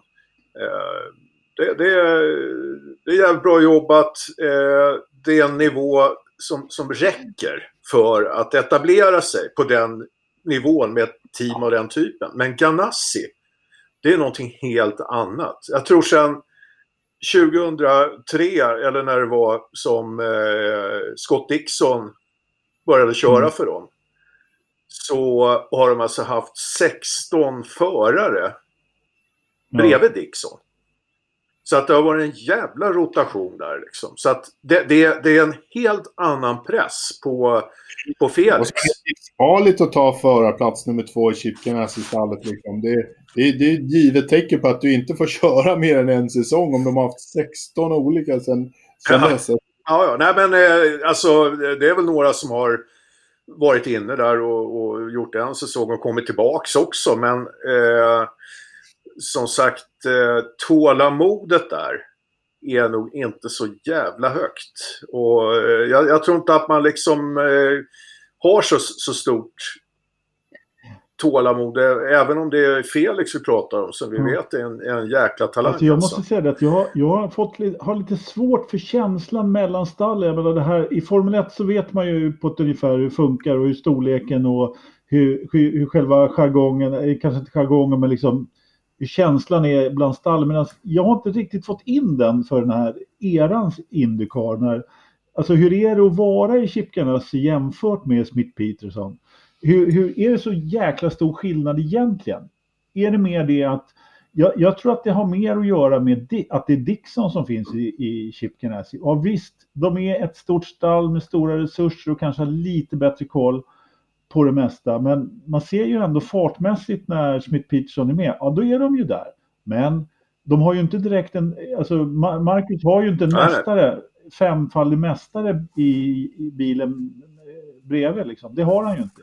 Jag tror att det är där Nej, han har inte det. Mycket, inte allt. Ja, men, men, men jag tror ändå att det är lite grann så att, att Marcus faktiskt eh, har presterat bättre utifrån vad det finns potential för. I, i, i teamet än vad Felix har gjort. För att Dixon har ju visat potential. Ja, jo, så är det ju. Så är det. Eh, och eh, har ju eh, ja, han, har, han har ju tagit bra många fler poäng. Han är alltid med där uppe. Även om Dixon också märker man har problem ibland va, med, under kval och annat. Va. De har inte riktigt koll på, på däcken verkar det som. Liksom. De har alltid någon jävla stint där det går åt eh, fel håll på något sätt. Men där har liksom Dixon en jävla rutin att luta sig mot. Och, men han levererar de där resultaten. Och där känns det lite grann som att Felix kanske har blivit lite mer offer för de omständigheterna än vad Dixon har blivit. Va? Och, men, men det är trots allt det är ett väldigt stort gap mellan Dixon och Felix just nu. Och det där måste han nog täppa till om han eh, ska bli, bli kvar där. Jag, hoppas ju att han gör det liksom. Men, ja. men, men jag, har, jag, jag tror ju att eh, Felix kör tillräckligt bra för att få vara kvar. Och dessutom så tror jag faktiskt att, för att snacka politik, så har han ju samma manager som Scott Dixon har. Jag tror att det spelar rätt stor roll att, att Stefan är manager till båda två. Uh, så jag tror att det, och det har nog spelat in väldigt stor roll att, att Felix är det han är. Ja, ja absolut. Definitivt. Och att liksom, det är det, jag tror att så här, politiken smyger sig in på det, på det sättet också, även i Indycar. Att eh, Stefan kommer se till att Felix får ett år till på sig mm. eh, i, i Chip Ganassi. Ja, men det, det finns ett... Eh det finns en faktor till här och det är ju att det känns lite grann som att Felix har haft jättestora problem med att hantera det här med ovalerna mm. efter eh, krascherna. Och det återstår tre ovalrace. Eh, och eh, det är alltid en, en eh, fem, sex, sju ovalrace på en säsong. Alltså han behöver ju inte ett sånt... Eh, så, att eh, det, det, räcker, jag tror inte att det riktigt räcker och, och alltså man kan liksom inte kompensera det med jävligt bra resultat på, på road courses. Liksom. Det, det räcker Nej, han. Behöver göra ett, Någonstans han måste han visa ett, att han gör resultat. Han behöver göra ett felfritt ovalrace för att det ska, för, för, för, för den skullen. Liksom. Han behöver nästa mm. ovallopp, eh, Pokonova. Sätter han det, då tror jag att det lyfter. Ja, och sen tror inte jag Alltså personligen så tror jag att eh, Felix definitivt har en framtid då, att, i toppen av, av oh ja. Indycar. Men jag, jag, är inte så jävla... Eh, det, det, är just det här bristen på tålamod hos Ganassi som jag är lite orolig för. I ett annat team så hade det nog inte varit eh, lika stort problem om Felix hade kört för eh, Schmidt Peterson till exempel. Så ja, då, då, då hade man kanske kunnat ta det ta de här resultaten och att det har varit, gått lite si och så. Va? Man ser ändå liksom men, att det finns eh, potential. Tror du inte han är tillräckligt bra för, även om man får kicken från Chip Ganassi så, så kan han ju få en styrning då nästa år. I till exempel eh, ja, men, eh, Nej, men jag... Ja, men du, du, du, du, får, du får inga styrningar under, under, under den där Ganassi och Penske-nivån. Liksom. Det, det, då då tar du fram pengar. Jag skojar. Jag skojade lite. Ja. Men kan, kan det inte vara så här, om jag har förstått att Ganassi, de letar efter någon som ska ta över efter Dixon? Och jo, var, var det Ed Jones som var där, ung kille, eh, förra året? Och, så heter han. Ja, men han kommer inte hålla på jättelänge till Dixon väl, eller? Ja, det är väl en av de där uh, grand schemes-planerna som, som uh, Lillövet har här. Liksom. Det är därför han, han petar in sin, sin junior och ska ta över efter senioren så han har mm. Alltså, jag, jag, är helt inne på din tanke. Det är inte helt omöjligt att det är det han önskar, att, att få in Felix som övertagare av, av tronen. Why not? Det, det, det, det har väl Ganassi också uttryckt. Eh, även om man inte har nämnt Dixon, men liksom att eh, här ser man liksom en framtidsförare eh, eh liksom i, i Ganassi. Va? Men eh, som sagt, det gäller ju att gäller att leverera. Så diskussionen mm. börjar med att eh, Felix satt löst, men vi kommer fram till att det egentligen är Dixon som sitter löst. det är bra. Ja, men det, ja, fan, någon, någon, gång ska han ju lägga av liksom. Men eh, så är det ju. Han närmar för den dagen. Jag funderar på en annan sak. Nu när det har gått eh, relativt sett bra för Marcus i, eh, i några race här på raken. Hur ligger, hur, eh, här är statistik eh, eh, experten. Hur ligger Marcus eh, till jämfört med Hinchcliffe i, i teamet, Smith Peterson? Varför Hinchcliffe har ju inte haft några speciellt bra race på ett tag när Marcus ändå har klivit upp och tagit ja. pallplats och, och sådana här saker. Så att, och Hinchcliffe är ju en ansedd, väl ansedd förare som liksom har ett gott renommé och, och sådär. Han, han är ju... Vänta, vänta, vänta, vänta, backa lite. Hur kan han vara ansedd? Börja med det. Jag vill bara höra på det. Nej, men på riktigt, jag tycker... Ja, men jag skulle säga det. Liksom, alltså Hinchcliffe anses väl som en hygglig förare, men eh, han kör ju inte för eh, något, något, av de stora teamen. Nej, men alltså han, det, det men, men jag tror att eh, alltså i den jämförelsen så så står ju sig Marcus bra. Hinchcliffe är ju respekterad och det är ju ingenting att snacka om.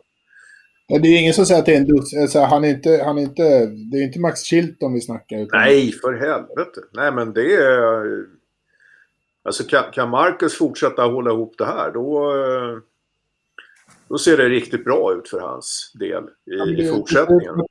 Det, precis, det ser ut som att det kan bli något år i Indycar också om man håller på så här. Absolut. Hänger du med Jakob? Ja, det, det, jag tänker på Fan, Lö eh, Löfström är ju helt chockad här över mina uttalanden. ja. ja, men, hur är det med Felix och Marcus? Tar de med sig pengar in i det här eller är de avlönade? Eller hur? Ja, det är det som jag har hört genom trovärdiga källor det är ju att eh, Marcus har ju betalat för sin sits. Eh, siffran som nämns i olika kretsar är runt 70 miljoner kronor. Medan, eh, medan eh, Felix eh, betalar ingenting för att köra. Han har betalt för att köra. Det, det, har ju, det har ju sagt själv Felix ganska länge sedan att han har slutat och, hålla på med det. Ja. Eh, betala för sig. Han, han vill ha styrningar där han får betalt helt enkelt. Annars så... men, men vad sa vi förra avsnittet? Vad kostar det att, att driva en ja, säsong? Om man räknar på hur mycket... Den siffran skulle jag ta med en nypa salt faktiskt. Eh, var det inte 25 miljoner dollar? Kommer jag ihåg det? Mm. Ja, det är för mycket. Det är alldeles för mycket. Det var 10 miljoner dollar. Ja. Eh, men jag kommer inte riktigt ihåg på vilken, i vilken tidsrymd det här var, men det var ju... Eh, ja, och i så fall så står han för hela budgeten själv Eh, på något sätt. Det kan han väl i och för sig göra. Jag, jag har också hört eh, den här siffran. Jag vet inte riktigt. Eh, jag tror att den är något hög. Eh, den här typen av siffror brukar ha en tendens att fördubblas eh, några gånger innan det liksom är den, en korrekta. Jag säger inte att du har fel Ternström. Det kan jag säga i andra fall. Men eh, jag, jag, misstänker att den, är, att den är lite saltad. Det, det, är ju inte alltid så att de siffrorna som snurrar runt eh, härrör från eh, just den dealen. Att man vet Nej. exakt vad Marcus betalar. Däremot så finns det ju många andra förare som har varit i kontakt eh, med eh, team som Schmidt Peach och så vidare. Alltså prislappen eh, cirkulerar ju runt eh, så. så att, eh, men ja, det, det, det, spelar mindre roll. För oss är det pengar som vi bara kan eh, ja. drömma om. Det, det, är en ansenlig summa i alla fall. Säga.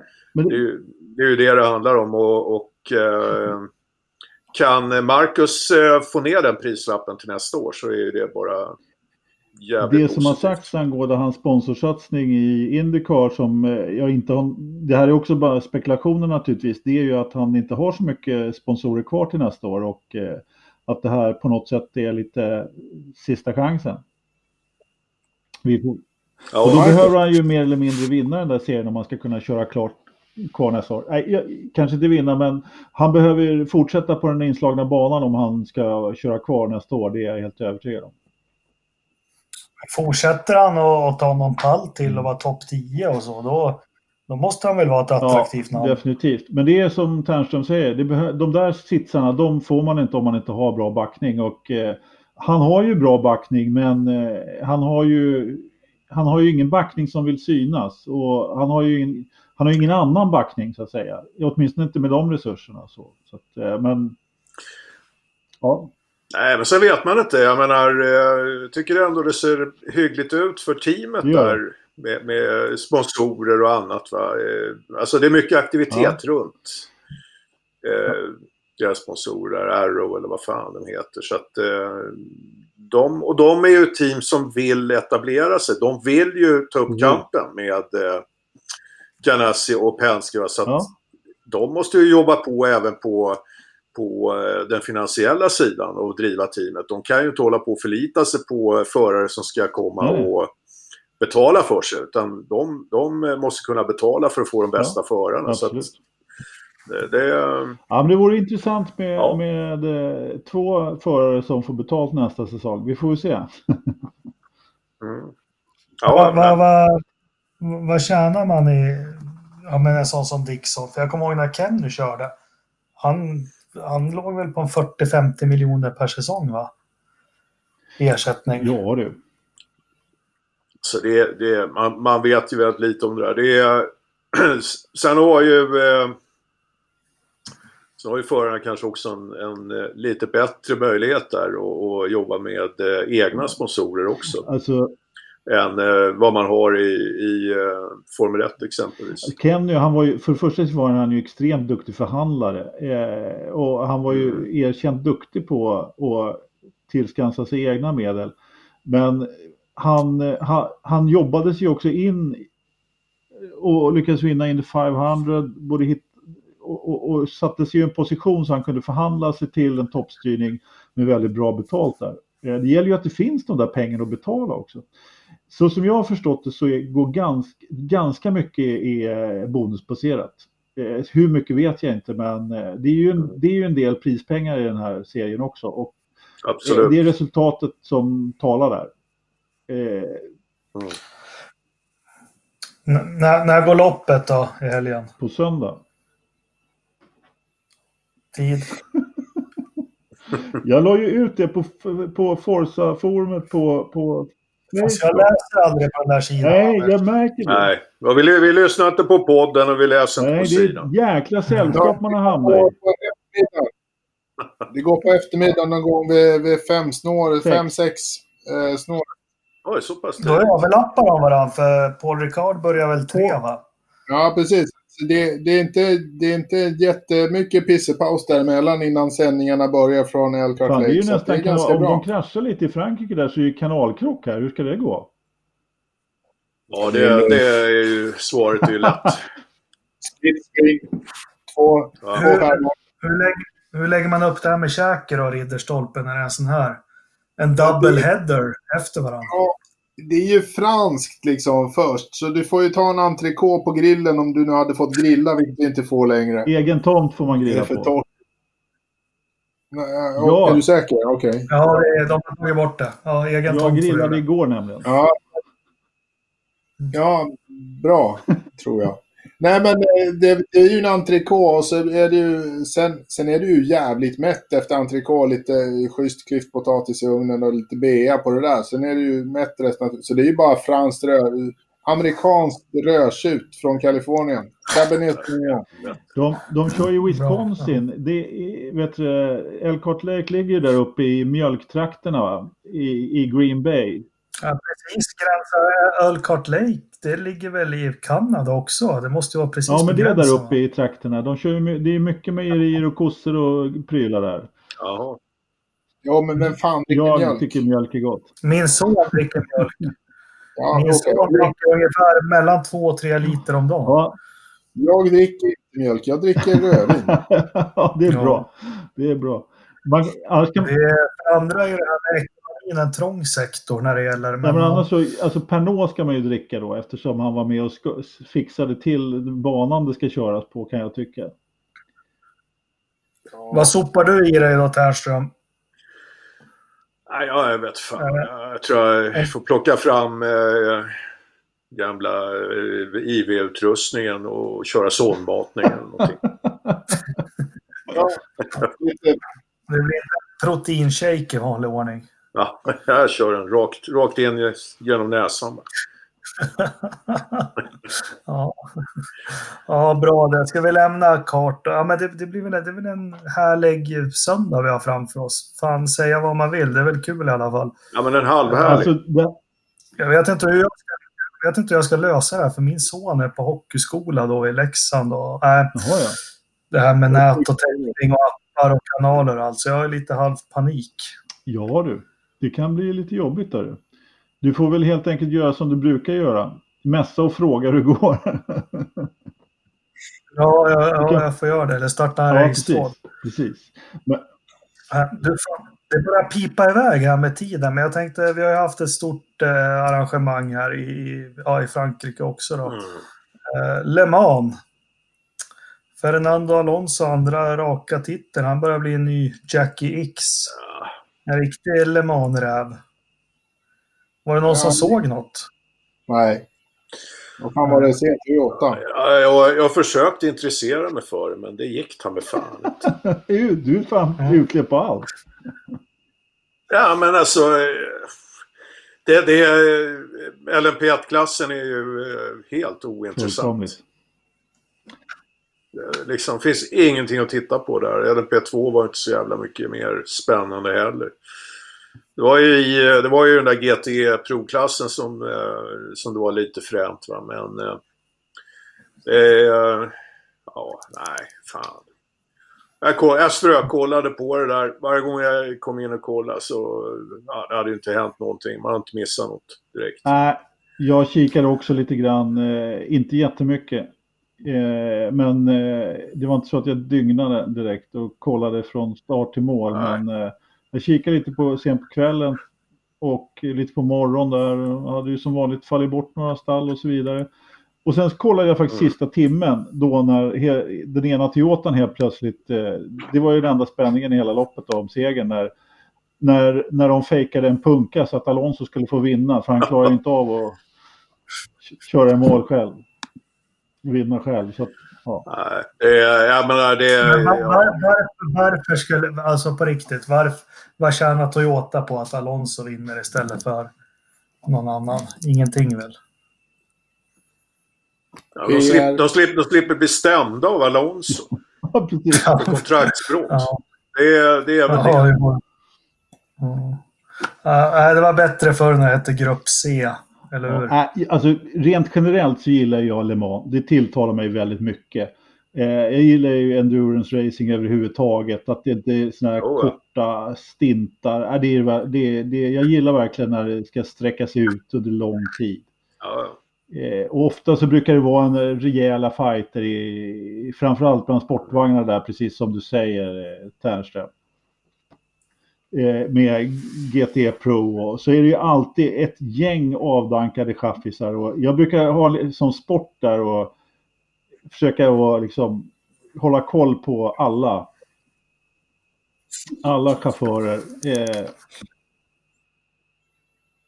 Sådär, jag tappade headsetet och det är någon som eh, terroriserar Engelmark så det är lite svårt att hålla tråden här. Jag vet inte vad jag skulle säga med det. Men, nej, men det är alltid lite kul.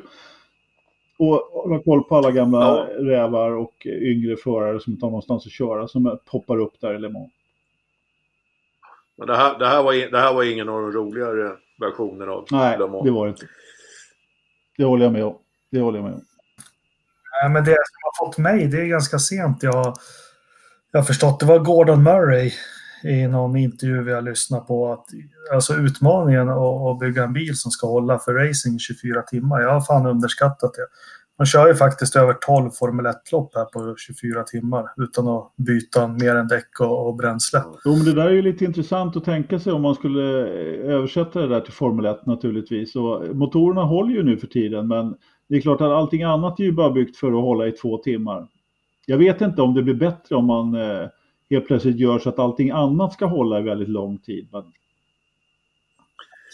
Men, det, det, någonting som eh, jag noterade det var ju att eh, Le Mans-bilarna här, eh, alltså i synnerhet de här eh, LMP1-bilarna, de har blivit oerhört stryktåliga. Alltså. Ja, vi... Den här riktiga jävla eh, känningar med räcket. Va? de bara åkte in i, garaget så byter man nos. Liksom. Framförallt så körde de ju tillbaka när de hade kraschat. Det var någon jag såg ja. som hade kraschat och hade tre hjul med däcket peka åt fanders. Mm. Ja. Och då, då tänker jag lite grann också på Indycar. Där eh, bilarna också håller så in i helvete bra liksom. Ja. Och så jämför man med Formel 1. Som, som, de går ju för fan sönder så fort någon tittar på de där jävlarna. Måste det vara så? Varför måste det vara på det viset? Vad är det som är bra med det? Nej, men du har helt rätt. Eh, bara det här. Nu är det ju bättre i år med framvingarna men som det var förut med alla olika fenor och allting. Och, och, nej, nej, men det är mycket som... Fan, det ska bli gött med lite Indycar och få se lite riktiga jävla LED-lampor på, på Safety Cars och... Lite bling-bling, Jakob. Ja, riktiga kromade jävla breda stora fälgar. Och, ja, liksom, och, och me meckar eh, i en egen ja. Som blir överkörda i depån. Ja. Och bara studsar så, fan, Jag känner mig som de här de kommer ju ofta om det har hänt något. åker in någon sån här jävla skitstor pickup med asmycket LED-belysning som blinkar och allting. Och så bara rasar ut två Engelmark-feta som springer fram till bilen så ser man hur de står och böjda över sina egna knän för den där springturen var så jävla jobbig liksom. Ja, det är ja, serien med... De, de, de här overallerna liksom. Ja, de, som, som, som, liksom de, de, är ju... Eh, eh, de är sydda liksom så att det, det är som rutor i overallerna. På de här jävla tjockisarna så blir det ju liksom som romber eller någonting liksom. Man, man bara ser hur eh, sömmarna håller på att spricka i de där. Det bara läcker ut kolesterol ur de där. och, så, och så jag tänker på Günther Steiners Twitter. Han tycker alla är fucking wankers. Men liksom, form, mekarna i Formel 1, de står och kör gymnastik. Har ni sett ja, det? På och värmer upp. Vad fan, en Indycar-mek, han, han tar en bra burgare till frukost liksom. Och så har blodtryck på 210-130 liksom direkt på morgonen. Ja, det måste man ju ha. Fan, man ska bli eh, påkörd där i depån. Ja, liksom. det gäller att vara väl. måste ju ha eh, trycket ja. uppe och... Ja. Vilka tror, du, vilka tror du lyfter mest i tyngdlyftning då? Indycar-mekare eller Formel 1-mekare? Nej, jag tror fan med Indycar-mekarna gör det.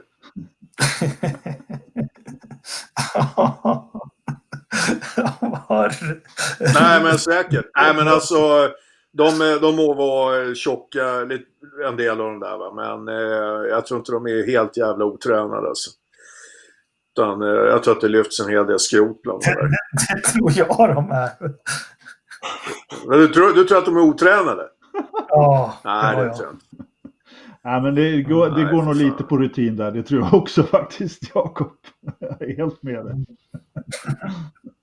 Ja, Ridderstolpe, vad tror du? Är du som kontrollerar menyerna till hospitality? Men var det inte någon som sa det? Marcus hade... Vad fan var det? Har vi pratat om det? jag hörde en intervju när han kom dit på något test och frågade... Han var väl van från Formel 1. Kan jag få en sallad typ? Då fick han en skål med coleslaw.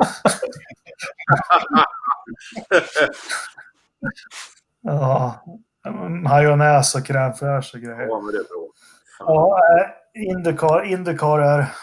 Alltså det jag menar, kolla på en kille som Paul Tracy. Ja. ja. Det, det, är, det är ju någonting att stå efter. Ja. Men så kommer man inte ner i bilen heller.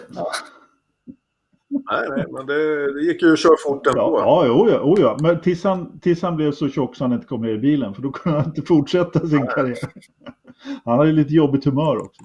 Där har vi egentligen bara en i Formel 1 och, och det, är, det är en klassiker naturligtvis när eh, man säljer comeback i McLaren. Ja, efter ett år i ja, USA. Precis, jag skulle komma inte ner han, han hade ju varit i USA och blivit uppfödd, uppgödd. Ja, herregud. Ja. ja. Men du, Ternström, det har vi inte hört. Har du hört något mer om Jochen Mass? Det var ju... Ja. Det ryktas om en comeback. Ja, precis. precis. Nej, det, det har varit jävligt tyst faktiskt. Eh, men eh, jag menar, han skulle ju inte ha gjort ett dåligt jobb om man hade kört inte sämre än vad han gjorde då, på den tiden. När han ja. då, då var han ju ganska dålig. In, innan vi går över på Verstappen och allt, då, då, då tar vi så här, vem skulle ni helst vilja se göra comeback i Indycar eller Formel 1? Mm. Halo. Mm. Du har, eh, ja, ja jag, måste, jag måste nästan ha lite betänketid på den faktiskt. Men jag eh, väntar ska se om jag lyckas eh, prata en stund så kanske jag kommer på. Alltså det finns ju några stycken, eh, jag menar, Ronny naturligtvis. Eh, om man bara sådär tar någon direkt, direkt därifrån. Någon, no, någon som inte har fått köra kvar, klart sin karriär skulle jag ju säga direkt. Men om man ska ta... Ronny? Nej, men ja. eh, Senna, Ronny, Jacques Villeneuve. Men om man, om man istället skulle ta någon då som, som lever så höll jag på att säga Niki Lauda, men ja. Nej. Nej, men någon som kanske inte fick visa sin... Ja, men då vet jag. Nu vet jag. Jag har en perfekt en som jag skulle vilja göra comeback i Formel 1 faktiskt. Nick Heifeld. Nej, inte slow Nick, tack. Nej, Marcus Eriksson. Ja. Va? Ridderstolpe, ja. ja. ja. Jag vet inte. Jag, jag, den, den jag gillade när jag kollade på kart för tio år sedan var Jimmy Wasser. Och han var ju så jävla långsam bara. Helvete. Han är så jävla mesig. Ja, okej. Ja, Vad roligt ni har. är ju stallägare nu för tiden. Ja. ja, visst.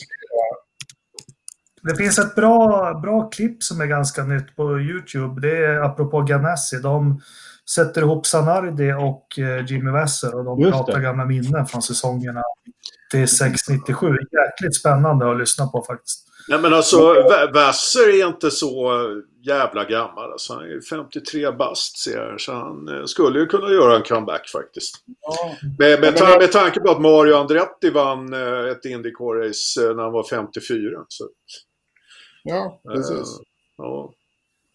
Men man skulle ju vilja ja. vilja att Alex Zanardi eh, skulle kunna få göra en riktig eh, styrning i, i Indycar igen. Ja. han, hela hans levnadshistoria har ju blivit... Han har ju liksom fått på nytt född efter sin olycka där i Tyskland. Är det det? Kommer det bli samma för Kubica tro? Nej. Nej.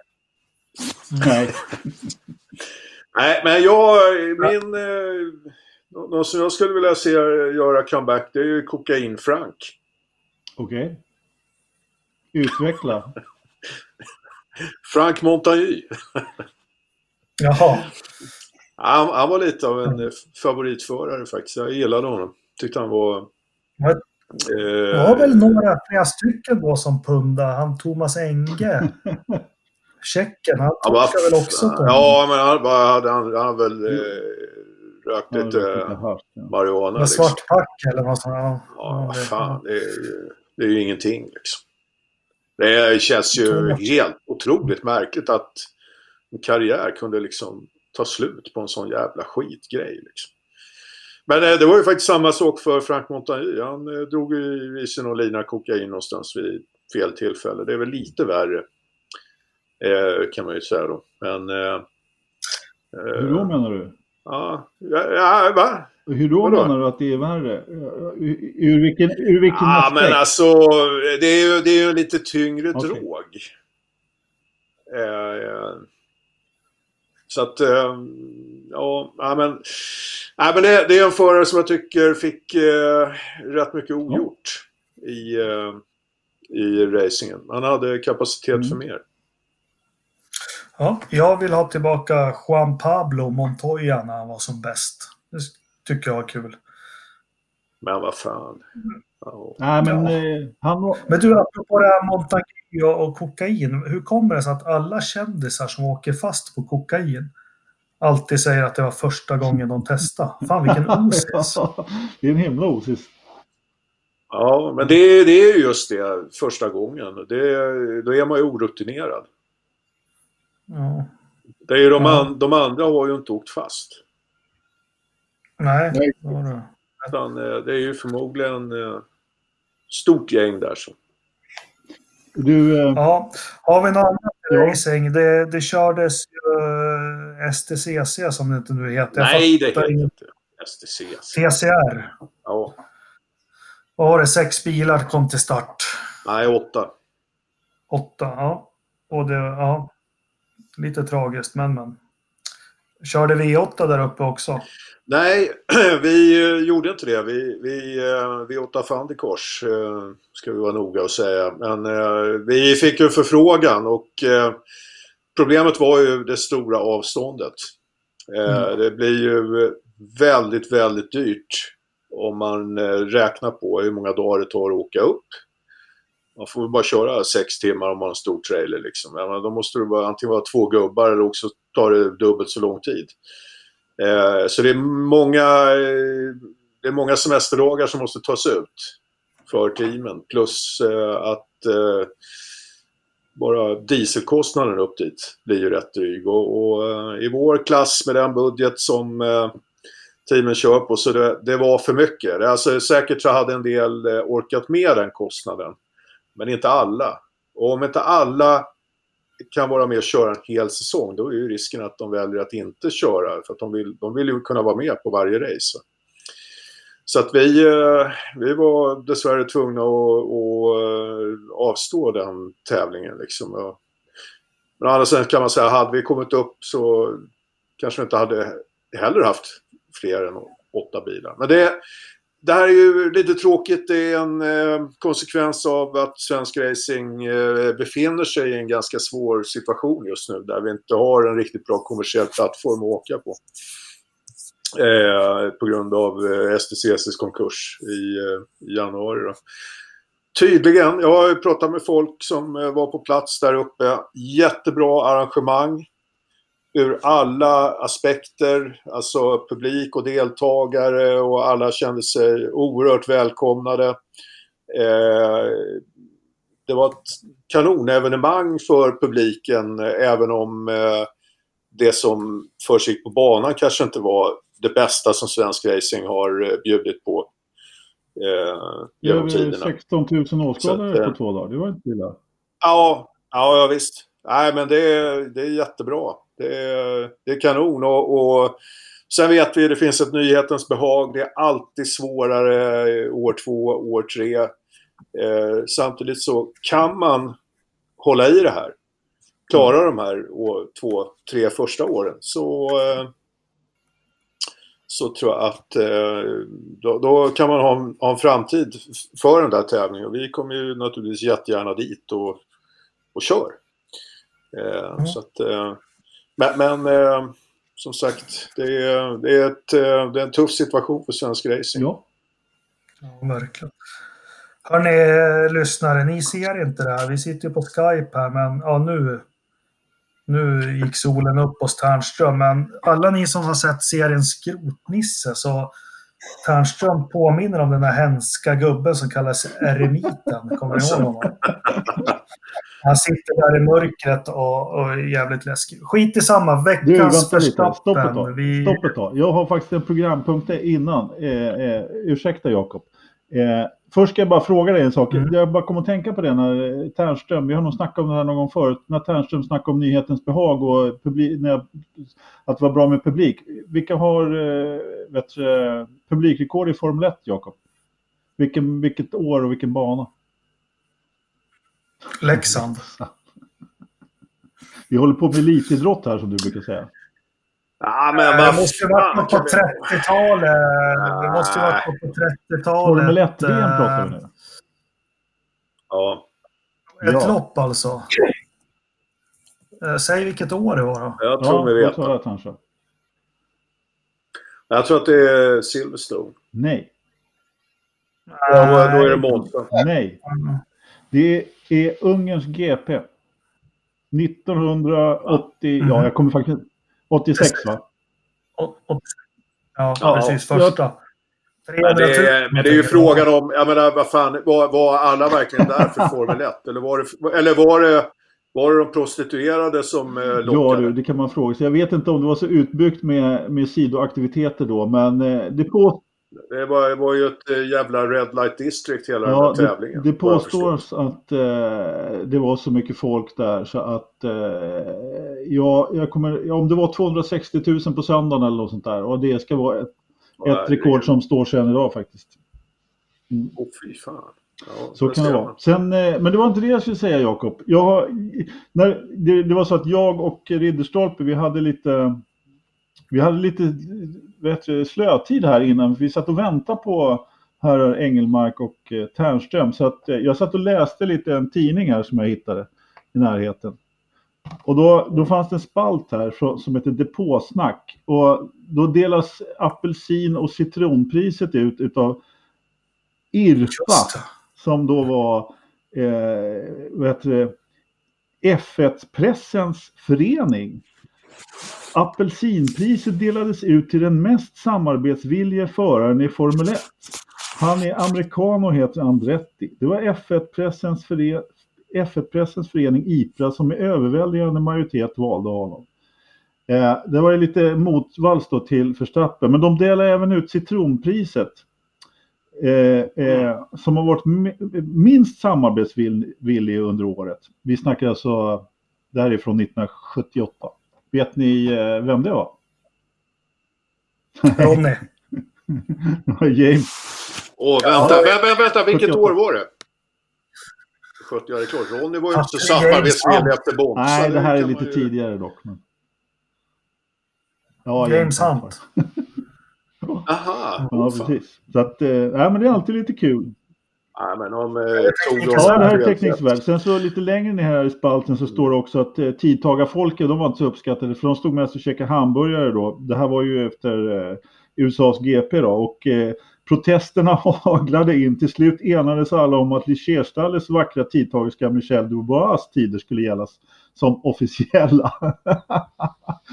så att eh, Ja, det, det, det, det, är på något sätt lite så här att, att man tänker sig att alltså det är inte så jättelänge, eller ja, det är en stund sedan, 41 år eller 40 år sedan, som, som man tog tid manuellt i Formel 1.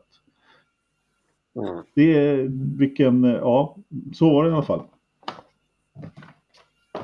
Nu är jag redo för förstappen. Uh, Ridderstolpe. Veckans förstappen.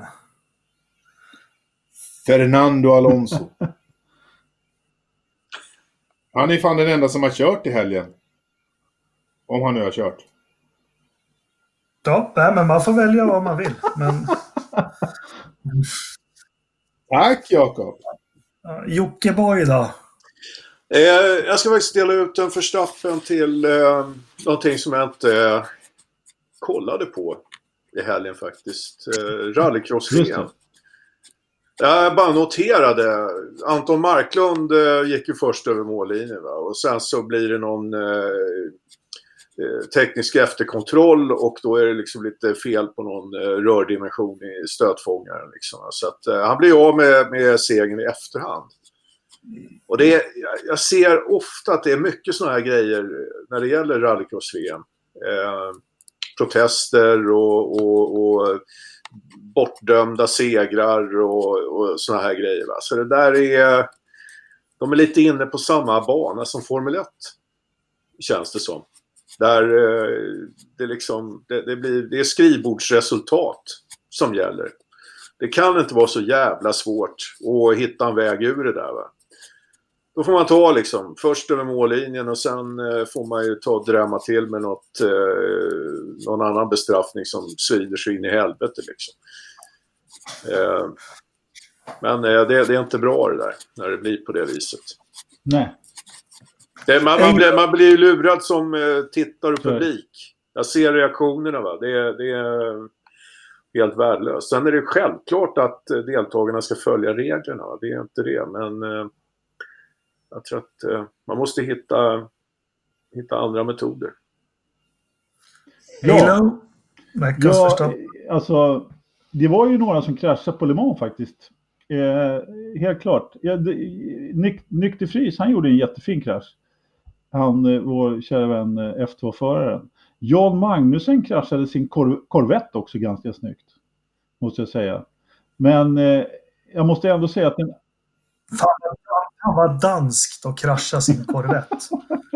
Ja, men det känns så jävla danskt att göra det. Det var väldigt ja. danskt.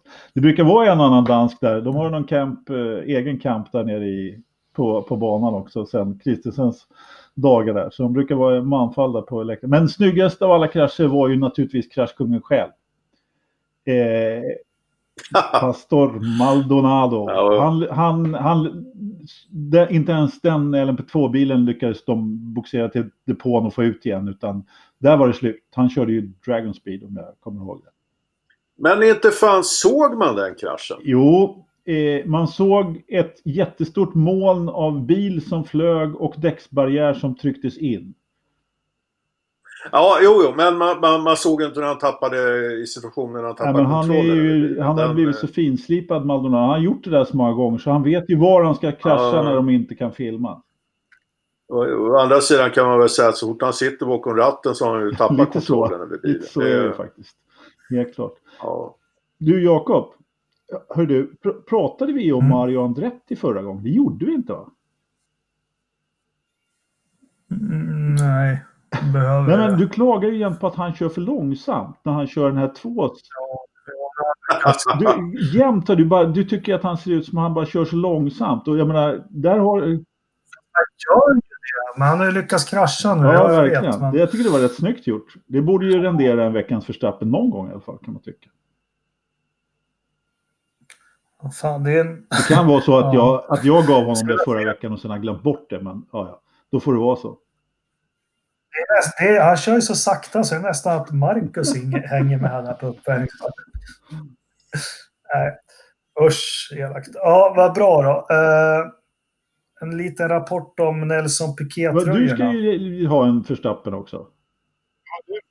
Ja, den kommer väl i samband med det. Men de, de är i alla fall, jag har gjort ett hästjobb idag. Och köpt påsar, paketerat, skrivit adresser. Sen så kommer veckans förstappen, för så kommer jag på, fan jag måste ju väga de här. Och se liksom hur mycket porto de behövde. Och ja, jag blev luspank på grund av portot. Det är väl veckans förstappen. Men, men en, tar... fan, en, en fråga där. Har du någonsin lov, utlovat en frakt av de där? Nej. Folk kan för fan komma och hämta dem hos dig. Ja, okej. Okay. Det är för sent nu. Fan, det skulle, skulle snackat med dig innan. Avhämtas Västerås. Ja. Nej, men, det, nej, men de fick vara tvungna att ha sex, fem eller sex klistermärken eller frimärken på sig. Så det, det blev dyrt. Men nu är de på väg och förhoppningsvis så landar de i brevlådorna med början imorgon. Ni som har beställt flera tröjor kommer få flera paket. För då tänkte jag så här att eh, min gamla arbetsgivare Posten är numera slarviga. Så har ni beställt tre tröjor och jag lägger samma i samma, eller alla i samma paket så blir ni av med alla tre tröjor. ja, vad fan. Ja, men jag tyckte... Om man beställt tre, då, då är väl för fan sannolikheten jävligt stor att åtminstone en eller två inte kommer fram. Precis, då har ju liksom ökat oddsen. Och det, det, det är ju jättebra. Om jag beställer tre så får jag kanske en. Jag har tröjan på mig. Jag måste säga att den är bekväm. Trycket ja. blev väl inte så snyggt som jag hade tänkt mig. Du ser vad det står på armen här. Vad står det, Ternström? Vad fan, det börjar pipa iväg. Ja, ja. precis. Eh, det, tröjan är av det legendariska märket Fruit of the Loom. Åh fan. Bara en sån sak. Ja, då håller den i två tvättar. Min. Ja, men den är skön. Men det, jag vet inte. Nej, jag tycker om den. Ja, vi har inte uh, sett våra än. Så... så... Nej, men de kommer. Uh, hur, ska du, hur fan ska du hantera returerna då? jag vet inte. Jag vet inte. Jag, jag, du, du, du inser att du är i klädbranschen? Inkassoavdelningen är ju redan inkopplad på ett ja. ärende kring Joakim Ternström här. Men jag, jag har ju inte Swish, det är ju det stora jävla problemet. har du inte Swish? Nej, men jag, det, det är inte så jävla lätt att... Jag, jag, jag, jag, har bara, ja, men jag, jag har bara ett företagskonto. Jag lyckas aldrig att koppla ihop det där med Swish. Ja, vet, det, du vet då, då ska banken ha reda på allting och Skatteverket och du vet. Fast som, du som, egenföretagare Stolpe låter att man bara har ett företagskonto, inte det? Är man inte ute på tunn is då? Nej, vad fan, jag kör ju enskild firma. Då spelar det ingen roll. Nej, just. Du måste ha koll på alla dina pengar. Men lycka till! Precis. Ja, men alltså... lycka till i slutet på året. Det är ju bara, det är bara att samla ihop kvittorna för fan och sen är det klart. Men tröjorna på väg ut, jag tror det blev, vad blev 33 eller 30, ja men det är kul och de eh, hoppas att när ni får dem imorgon att ni lägger upp lite bilder på, på sidan. Då. Jag tycker det är, en, en fin, kul tröja, kul att ha, det är inte så många som har den. Eh, så. Bra det. Eh, veckans förstappen är gjord. Vi har lyckats prata i nästan två timmar om kan vara ett av de sämsta poddavsnitten vi har gjort någonsin. Ja, den, är, den är där uppe. Det är där uppe det här avsnittet, helt klart. Ja, den är uppe nere. Och nu börjar det lacka mot semestertider, Ridderstolpe. Du, du, vi måste ju fira med att ha en fyllpodd. Tärnström i Skåne, jag i Dalarna och, ja. och så ska, ska det hinkas rejält. Eh, vädret. Mm, det Nej. regnar Nej. och är kallt. Jo, det har varit 11,8 grader idag i, i Grövelsjön och regnet är fallande. Nej. Uh, jo. Så vi går direkt på godbitarna med 13,9 ute just nu. Det har varit 11,8. Vad är det i datorförrådet? Oh, 16,3. Nej, 16,5. 21. Det här är alltså superlurigt mina herrar. Trots denna kyla så har det varit uppe i 26,8 grader idag på förrådet. Vad fan har han ja. porrsurfat? Fernström? Ja, vadå? Vill du att jag ska kommentera den siffran? Känns det som att eh, jag skulle ha något, ja. eh, något väsentligt att bidra med här? Ja, faktiskt. I det ämnet så litar vi ja. helt och hållet på dig och Jakob. Ja, ja, eh... var, var, varför då? Var, varför oss två? Det är, fan, du, du, du håller väl också på med massa IT, webbsidor och annat skit? Exakt. Ja. Jag vet ju hur man undviker. Det är klart, det är ju sådana som ni är ju inte trovärdiga, det har man ju lärt sig. Men vi kan väl konstatera att något har hänt på servern. Jag vet inte om vi tar ja. Pastis bloggar kanske vi får mer information. Eh, det är ingen DDoS-attack kanske? Ja. Mm.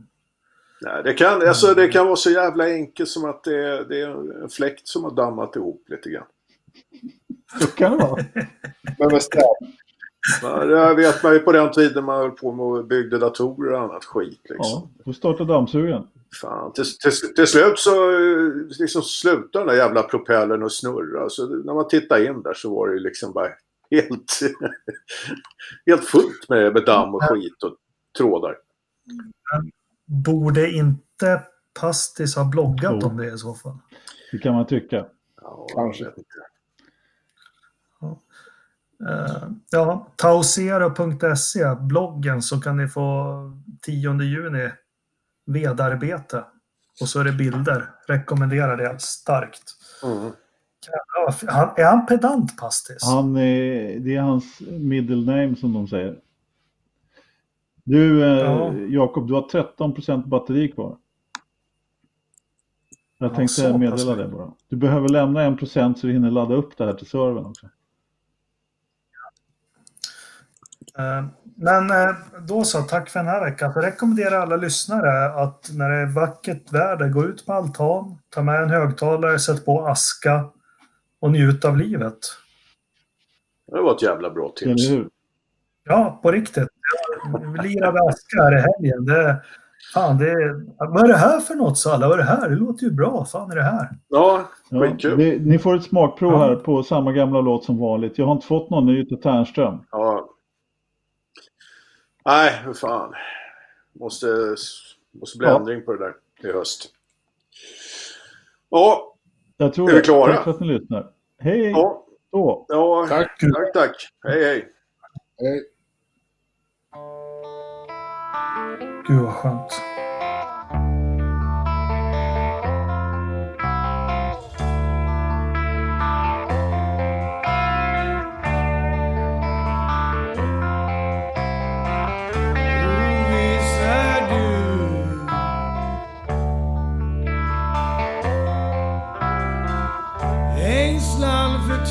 Den